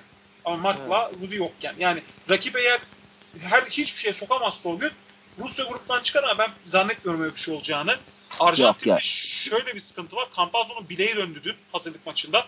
Grupta iki maç kaçırma ihtimali var. Hangi Kore maçında büyük ihtimal kaçıracakmış. İkinci maçta oynanma ihtimali var. Yani orada Campazzo devre dışı kalırsa yani, yani takım yine La Provitola var İspanya Ligi ACB MVP'si. Yanında hı. Vildoza var. Guardlar çok sağlam. İşte Brusino var ACB'den. Gabriel Deck var Real'den. Uzun Skola. Onların hani tamamen hücum takımı onlar. Savunmada Skola ile çember savunamıyorlar tabii ki. Yani onların savunma kötü ama Arjantin bence çıkar bu gruptan. Hatta lider çıkar Campazzo sağlıklı olursa. Kimle Nijerya'da beraber? Abi Allah Allah. Nijerya ile ya. Ben Nijerya ile. Arjantin, Nijerya diyorsun. Ben de. Arjantin Nijerya diyorum. Michael Erikçi izliyorum. Facundo Campazzo'cu izliyorum. Nijerya çok iyi Peki. kadroyla geldi ama. Harbi Stanley Okoye'sinden işte e, NBA'den Al Faruk Alamino şey bir tane uzun Melu diye bir herif adamı adam Spurs'ta oynuyordu. Bir şey var Josh, e, Josh Metu'yu mu diyorsun? Heh, Aynen. Çok NBA'de izlemediğim bir adam da o. Zaten az oynamış. E, Michael Eric var, Ekpeudov var. E, Stan Okoye var. Bu sene ACB'de çok iyiydi. Ondan önceki sene İtalya'da çok iyiydi. Bir tane David Novora diye bir adam var. E, Louisville'den. Şimdi herif kolejde Jo- okuyor ama Jordan Nova- çok iyi. E, Jordan Jordan mı? Jordan. Evet. Adamın adını unuttum. Ya onlar baya şey bir kadro abi. Gardı yok ama savunma potansiyeli yüksek, atletizmi yüksek. Hani çok acayip bir herifler saçmalamazsa e, bence son 8 yapar Nijerya ve galiba en son 1948'de mi 52'de mi ne bir takım Afrika takımı yapmış son 8 Dünya Kupası'nda. Hani yıllar sonra bir Afrika takımı ilki gerçekleştirebilir. Evet. Bunu koçu kim bunların biliyor musunuz? Böyle ünlü bir adam mı? Ben bilmiyorum. Bilmediğinden soruyorum. Hani böyle yani ismi olan Adını- sağlam bir koçsa eğer dediğiniz Yok, yok, mesela öyle biri değildi. Öyle Anladım. biri değil. e, o zaman A ve B'den Arjantin'le Nijerya'yı çıkardınız. C ve D'ye geçiyoruz o zaman. E, Onur'un da çok konuşmak istediği Sırbistan ve İspanya'nın olduğu. Grupların da kimlerin olduğunu hemen sayalım. Siz bunları genel bir değerlendirin abi. C grubunu sayıyorum. İspanya, İran, Porto Rico, Tunus. D grubu Angola, Filipinler, İtalya, Sırbistan. Bunun karışık. Kim ne yapar eder lütfen devam edin. Hanginiz Abi, girmek istiyorsanız. C Buyur Levent. grubu kurasını Pau Gasol mu çekti? Bu nasıl grup ya? Hiçbir takım gelmez abi. Böyle bir şey olabilir mi ya? O yani C grubu İspanya 3'te 3'te çıkar. İkinci Tunus'a fena değil diyorlar. Salah, Meyri, Michael Roll orada devşirme. Meyri var. Porto Rico a- alemli takımdır. İyi bilir herkes. Arroyo gibi bir topçu yok ama yine kadroda e, Giant Clavel falan var eskiden Sakarya'da oynamış. Onlar da hani hazırlık maçlarında böyle çok orta bir görüntü sergiledi. Çok böyle potansiyel bir takım değiller ama ya bence o grupta İspanya arkasında ya Tunus ya Porto Rico yapışır. Abi sen bu podcast'e girmeden önce bu son Amerikan mutfağı dinledim ben. Kaan Evet. Kural Porto Rico için felaket bir kadro dedi. Aynen bu vurguyla. Felaket abi. Fela, facia bir kadro dedi. Abi, yani Porto Rico standartlarının çok altında bir kadro olduğu kesin. Baraya da yok çünkü. Yani Hı hı. eskiden Porto Rico'da en azından iyi skorerler olurdu. Şimdi Porto Rico standartlarına göre kötü kadro. Ama grup da kötü abi. Öyle bir şey var yani. Adamlar Hı. ne bileyim B grubunda olsa sonuncu olur. Belki de yani şu grup basit bir grup. İspanya maçı dışında her maça Porto Rico 50-50 başlayacak. Yani kadro felaket olsa bile kadro kura kolay. İspanya'nın arkasına Porto Rico mu gelir diyorsun? Tunus Ya, dedin ama sanki. İkisinden biri gelir abi. Çok hakim değilim. Ne dese zaten buradan gel çeyrek finale çıkamayacağı için işte ikisinden biri kim kim Ha, gelirse. tamam. Bence ben İran'ın geleceğini düşünmüyorum. Bilmiyorum siz ne düşünüyorsunuz D- D'den devam et abi. abi, Angola, Filipin, İtalya, Sırbistan. Burada da İtalya, Sırbistan işte el ele kol. Çok konuşulacak bir şey yok diyorsun. Tamam bunun toplamında ne olur peki? İspanya'nın arkasına birini getirdin. İtalya Sırbistan da getirdin. İspanya Sırbistan kesin mi? Sırbistan abi %90.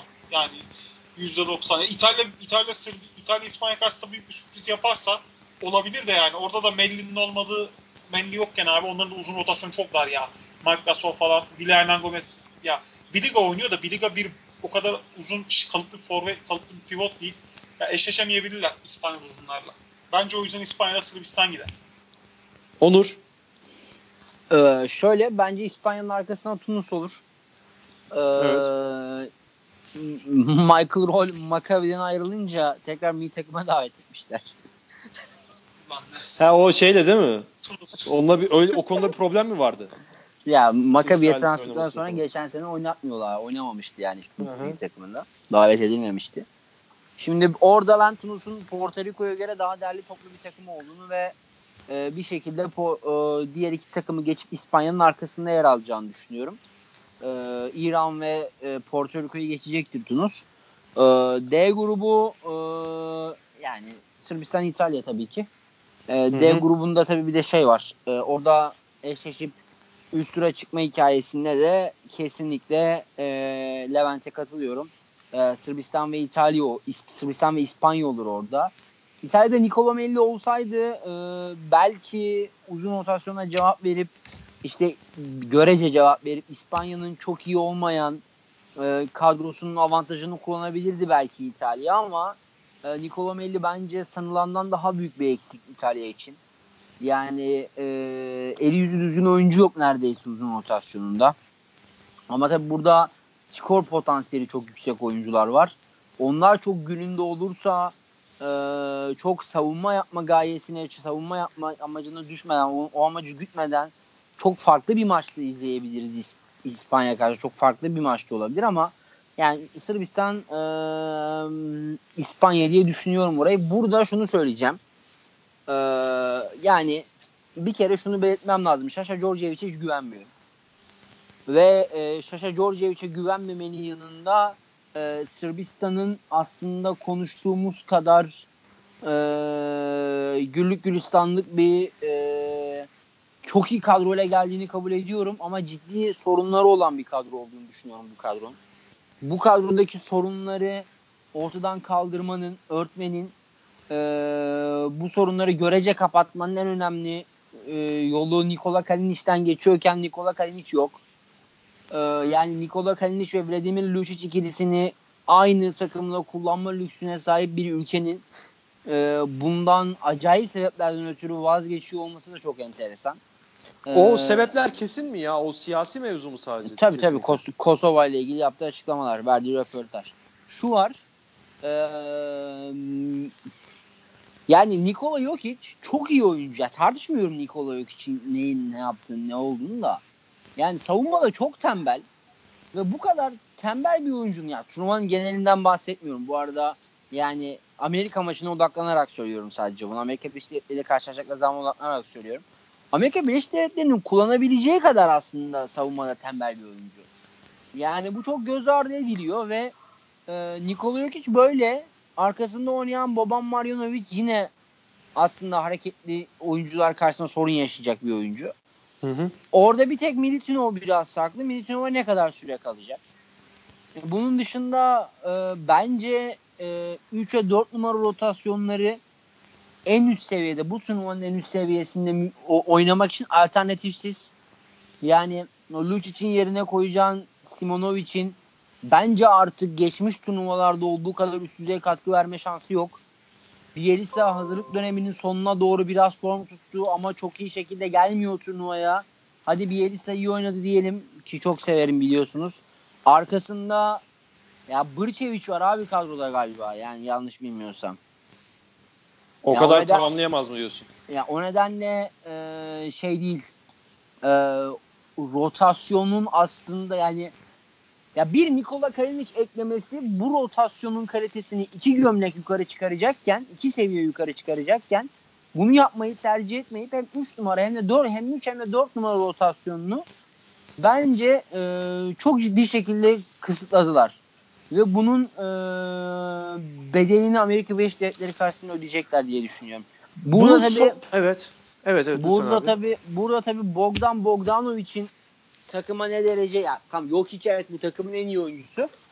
Ama e, yani basketbolda bugün ya o sorumluluğu artık herhangi bir şekilde kısa oyuncu alıyor. Evet. Ee, böyle bir durumda da yani takımın o sorumluluğu alacak oyuncusu hiç şüphesiz Bogdan Bogdanovic olacak. Bu seviyede Amerika Birleşik Devletleri karşısında daha doğrusu bu sınavı nasıl vereceğini ben de merak ediyorum. Ama e, e, Sırbistan'ın e, düşündüğümüz kadar da aslında sorunsuz bir kadroyla geldiğini düşünmüyorum ben. E, en büyük sorunun da Şaşa Djordjevic olduğunu düşünüyorum. Şaşa Djordjevic bence kötü koç. Peki e, bu şeyi soralım da abi dinleyicilerimiz de eğer okumamış bilmeyen varsa. Nikola Kalinic ne dedi? Abi Nikola Kalinic milliyetçilik ve e, Kosova'nın bağımsızlaşması ve Sırbistan'daki e, milliyetçilik kavramına yönelik eleştiriler getirdi. İşte Kosova'nın bağımsızlığı ile ilgili söylediği şeyler oldu. İşte ülke, bayrak e, bunların sadece milliyetçilik duygularıyla tanımlanamayacağını ifade edilmemesi gerektiğini söyleyen şeyler oldu ki bizim sene içerisinde Trans Basket'te Nikola Kalinic ile yaptığımız röportajdan çok kısa süre önce Nikola Kalinic bu açıklamaları yapmış. Hatta biz o röportaja bakıp o röportajın içerisindeki bazı şeylere yönelip hani oradan yine bu tarz konuyla ilgili soru sormuştuk. Orada işte milliyetçilikle ilgili bir şeyler söyleyip hatta şey demiş bugünün Türk bugünkü Türkiye'nin hani ya bugünkü Türkiye'yi Osmanlı olarak görmenin mantığı yok aslında. Milliyetçilik bunu söylüyor bize bu noktada. Yani Sırbistan'ı kim biliyor? Biliyor ki dünya üstünde. Dünyanın başka bir yerine gittiğinizde ben Sırpım dediğinizde kendinizi böyle tanımladığınızda bu başka insanlar için ne ifade ediyor ki neden kendimizi böyle tanımlıyoruz tarzında şeyler söylemiş. Tabii diğer röportajda bu konuyla ilgili söylediği şeyler Sırp basından birine verdiği için gayret diğer daha şeydi, daha farklı, daha detaylıydı. Evet. Ama genel olarak böyle. Bir de tweet bu, de atmıştı galiba. Evet. Bir şey de var. Birkaç Sırp taraftarlarla böyle diyaloğa girmiş Twitter'da. Şimdi evet. şu var. Yani bunun için ya tabii Sırpların bu olaya bakış açısında ne kadar milliyetçi olduklarını falan tabii ki biliyorum. Ondan bahsetmeyeceğim. Hı hı. Ama 2019'da yani bir oyuncunun bu nedenle e, milli takımdan aforoz ediliyor olması çok büyük rezillik yani. Umarım başarısız olurlar ya. Bunu cidden istiyorum yani. Evet yani umarım başarısız olurlar dışındaki cümlelerine katılıyorum onun. yani ben başarılı olmalarını istiyorum. Ben çünkü yani benim bir numaralı yıldızım bizim milli takımı bir kenara koyarsak ben Bogdan Bogdanovic yani.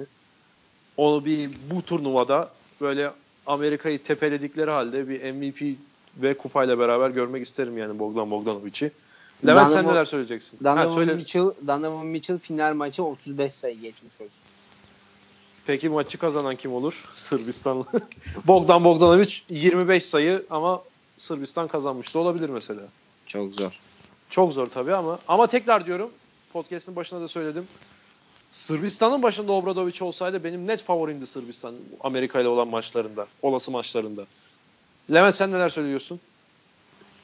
Abi şöyle e, yani Sırbistan'da şöyle ilginç bir şey var. Obradovic Eurobasket 2005'ten sonra milli takım bıraktığında da demişti. Yani bir daha çalıştı, bir televizyon programına falan çıkmıştı. Orada da büyük soyunma odasında mevzular çıkmıştı. Abi Sırbistan milli evet. takımı birbiriyle oynamaktan çok keyif alan belki de Avrupa'daki yegane takım. İspanya'dan bile daha önde sayabilirim. Ama Sırbistan milli takımında çoğu zaman abi oyundan öte bazı şeyler geliyor. Bu Kalinic mevzusu ve Mit, özellikle Mitsov mevzusu. Mitsov Georgievic'le mevzulu arası iyi değil. Kapışmışlar, kapışmışlar milli takımda. Çağırmıyor yıllardır.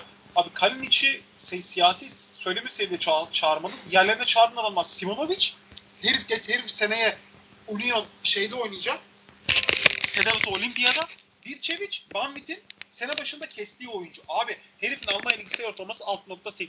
Ya Almanya Ligi, pardon Almanya Ligi genel geçen sezonu. Ya hı hı. Simonovic sen altı madalya istiyorsan ve Amerika güçsüzken bir şans var senin de en iyi kadroyla gelsin. Yani sen eski mevzulara takılmazsın. Ya Sırbistan milli takım için her zaman bir saçma sapan bir iç dengeler mevzusu oluyor. Benim tek çözümlemediğim, başka ülkelerde görmediğimiz. Ya bence o çok yine sıkıntı yaratacak. Şimdi Sivanovic'te bir, şey, bir şey alamazsın ki sen büyük maçta bu adamlardan. Yani sahaya atamazsın. Sahaya attığın an eksi yazacak çünkü bu adamlar. Amerika'ya karşı oynatamazsın. Ya biri faal problemine girse sakatlansa ne olacak? Şu takımda 4 numara bir tek 4 numara orijin 4 numara tek adam Nemanja Bielisa.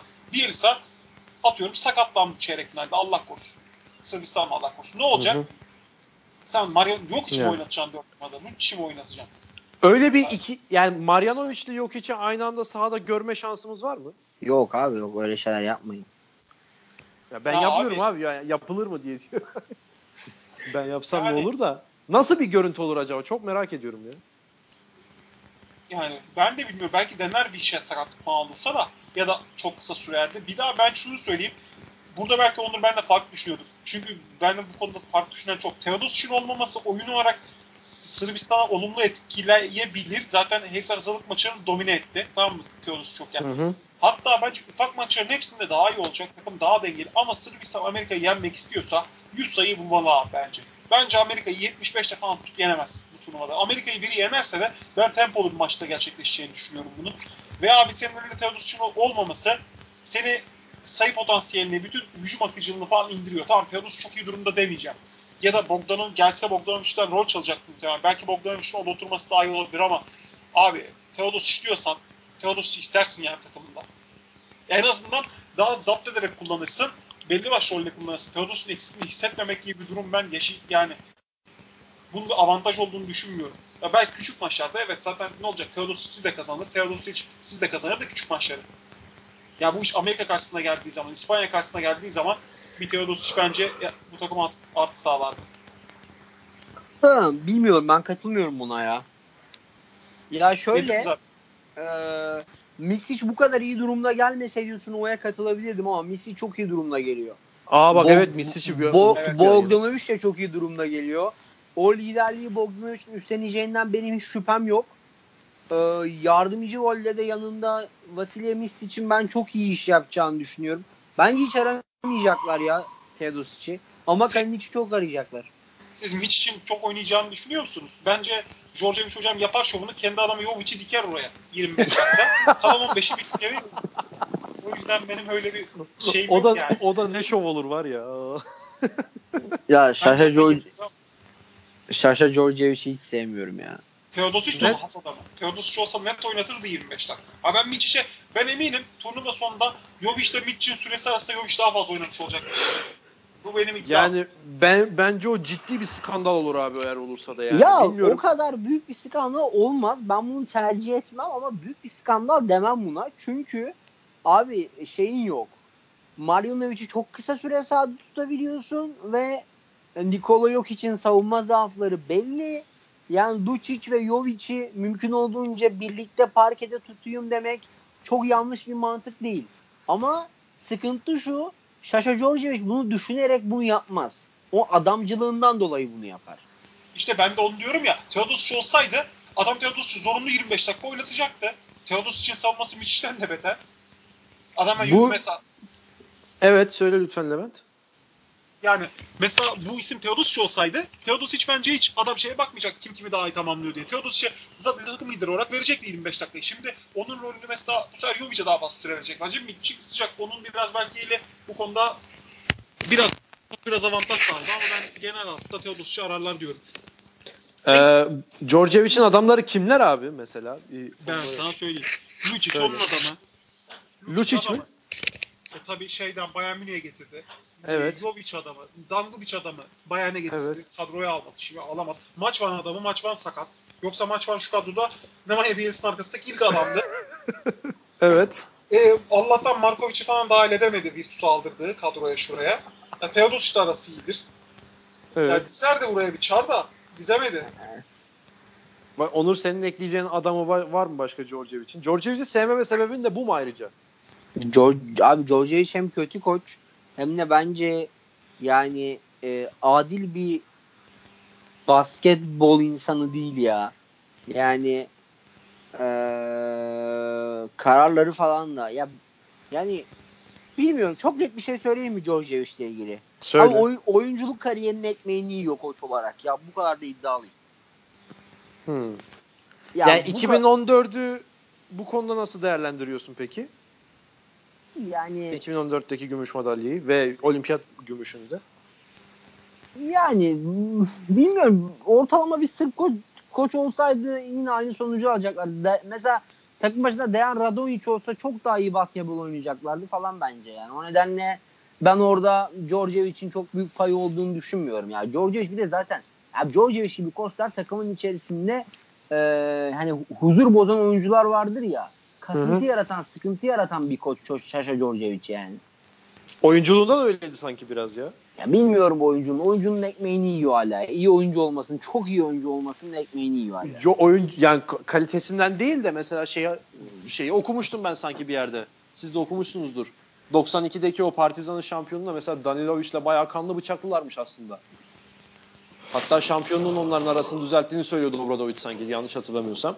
Ki hatta Real Madrid'de oynarken de Barcelona'nın salonunda yaptığı hareketler falan filan. Yani oyunculuk döneminde de o arıza çıkarma mevzunda pek şey değilmiş hani geride kalmıyormuş. Benim Adamcı, adamcı, adamcı. Bir de yani adamcılık tercihlerini doğru insanlardan yana da yapmıyor.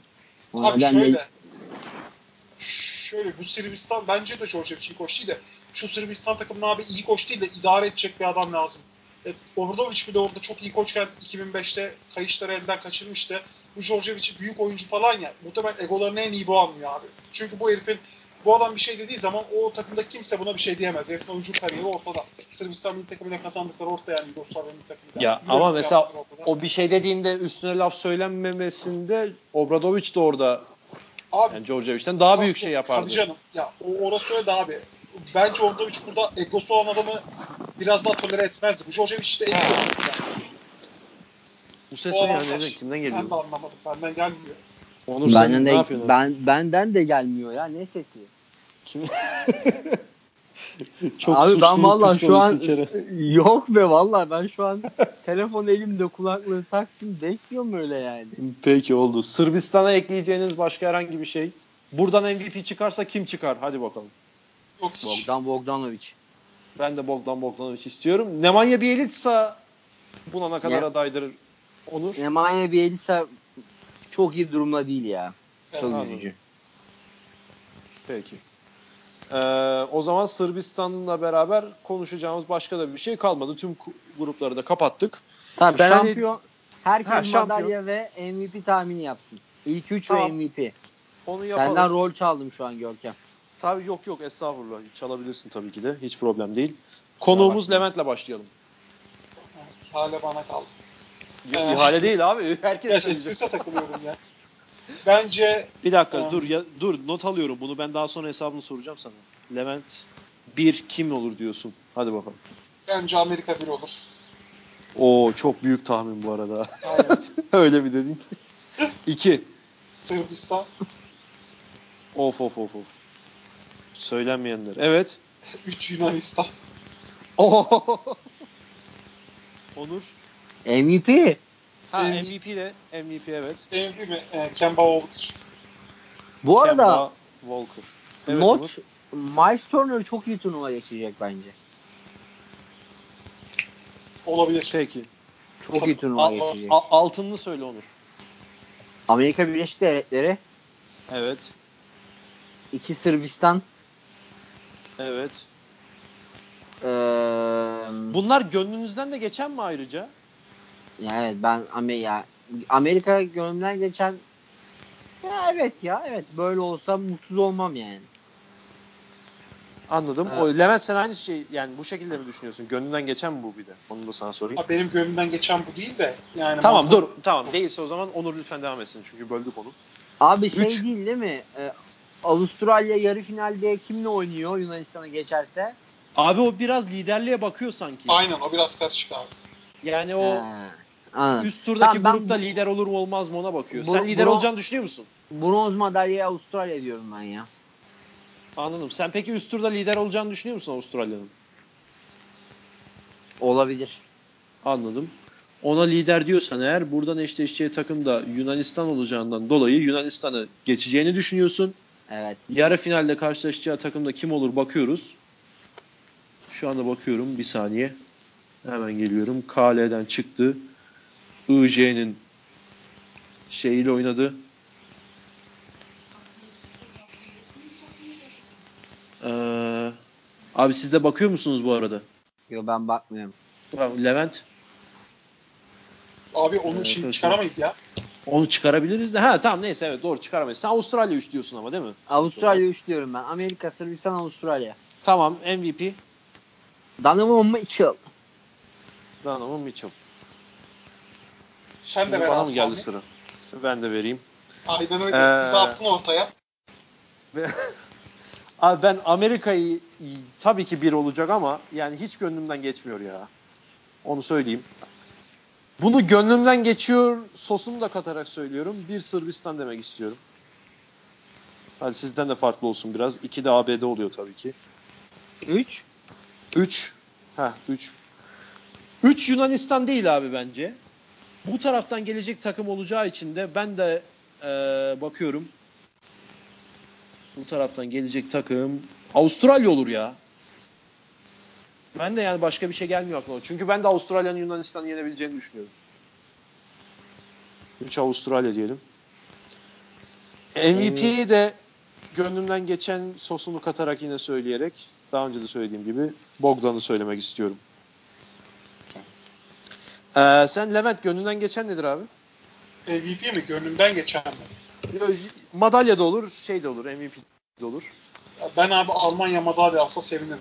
Çok imkansız Ha. da yani. E, gönlümden geçen MVP de NBA'de normal sonra MVP seçilmesine rağmen turnuvaya gelen herkes örnek olması gereken Yannis derim. Hayda bu ne demek ya? Herkese örnek olması gereken falan. Ne konuda örnek olmalı? Abi adam adam NBA'in en zirve oyuncusu şu an. O çıktı Evet. turnuvaya geldi. Allah'ın Kanadalıları bir şey kazanmamış topçular gelmedi yani. Hmm. Cemal Murray ne kazanmıştı turnuvaya geldi ya abi. Sen kim Korujocep Sinsi ne diyorsun. kazan? Korujocep ne yapmış ki abi geçen sene gelmiyor. O yüzden yani. Bence herkes örnek olması gerekiyor. Adam bir de burada çok şey falan dedi ya ben burada altın madalya almak için MVP ödülümden vazgeçerim falan. O kadar da Evet. deli racon kesti işte tam benlik adam.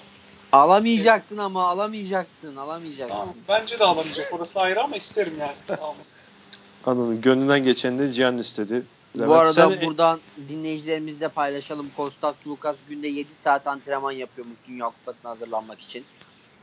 Bu bilgiyi sizle paylaşalım. Kostas Lukas çok iyi bir turnuva geçireceğim ve Yannis Antetokounmpo'dan liderliği, takım liderliğini alacağım demiş. Böyle bir demeci var. bu şaka değil değil mi? Şaka şaka. Ha, tamam. ya abi gerçek de olabilirdi bilemem yani. Ya Sulukas Ee, böyle ama günde 7 saat çalışıyormuş. Bu doğru. Harbiden doğru bu. Abi bu fazla süren treni olmaz mı böyle bir oyuncu ya? Olmaz. Hele bir de yani yoğun sayılabilecek bir sezondan geçince. Sulukas psikolojik olarak çok hazırmış kupaya. Anladım.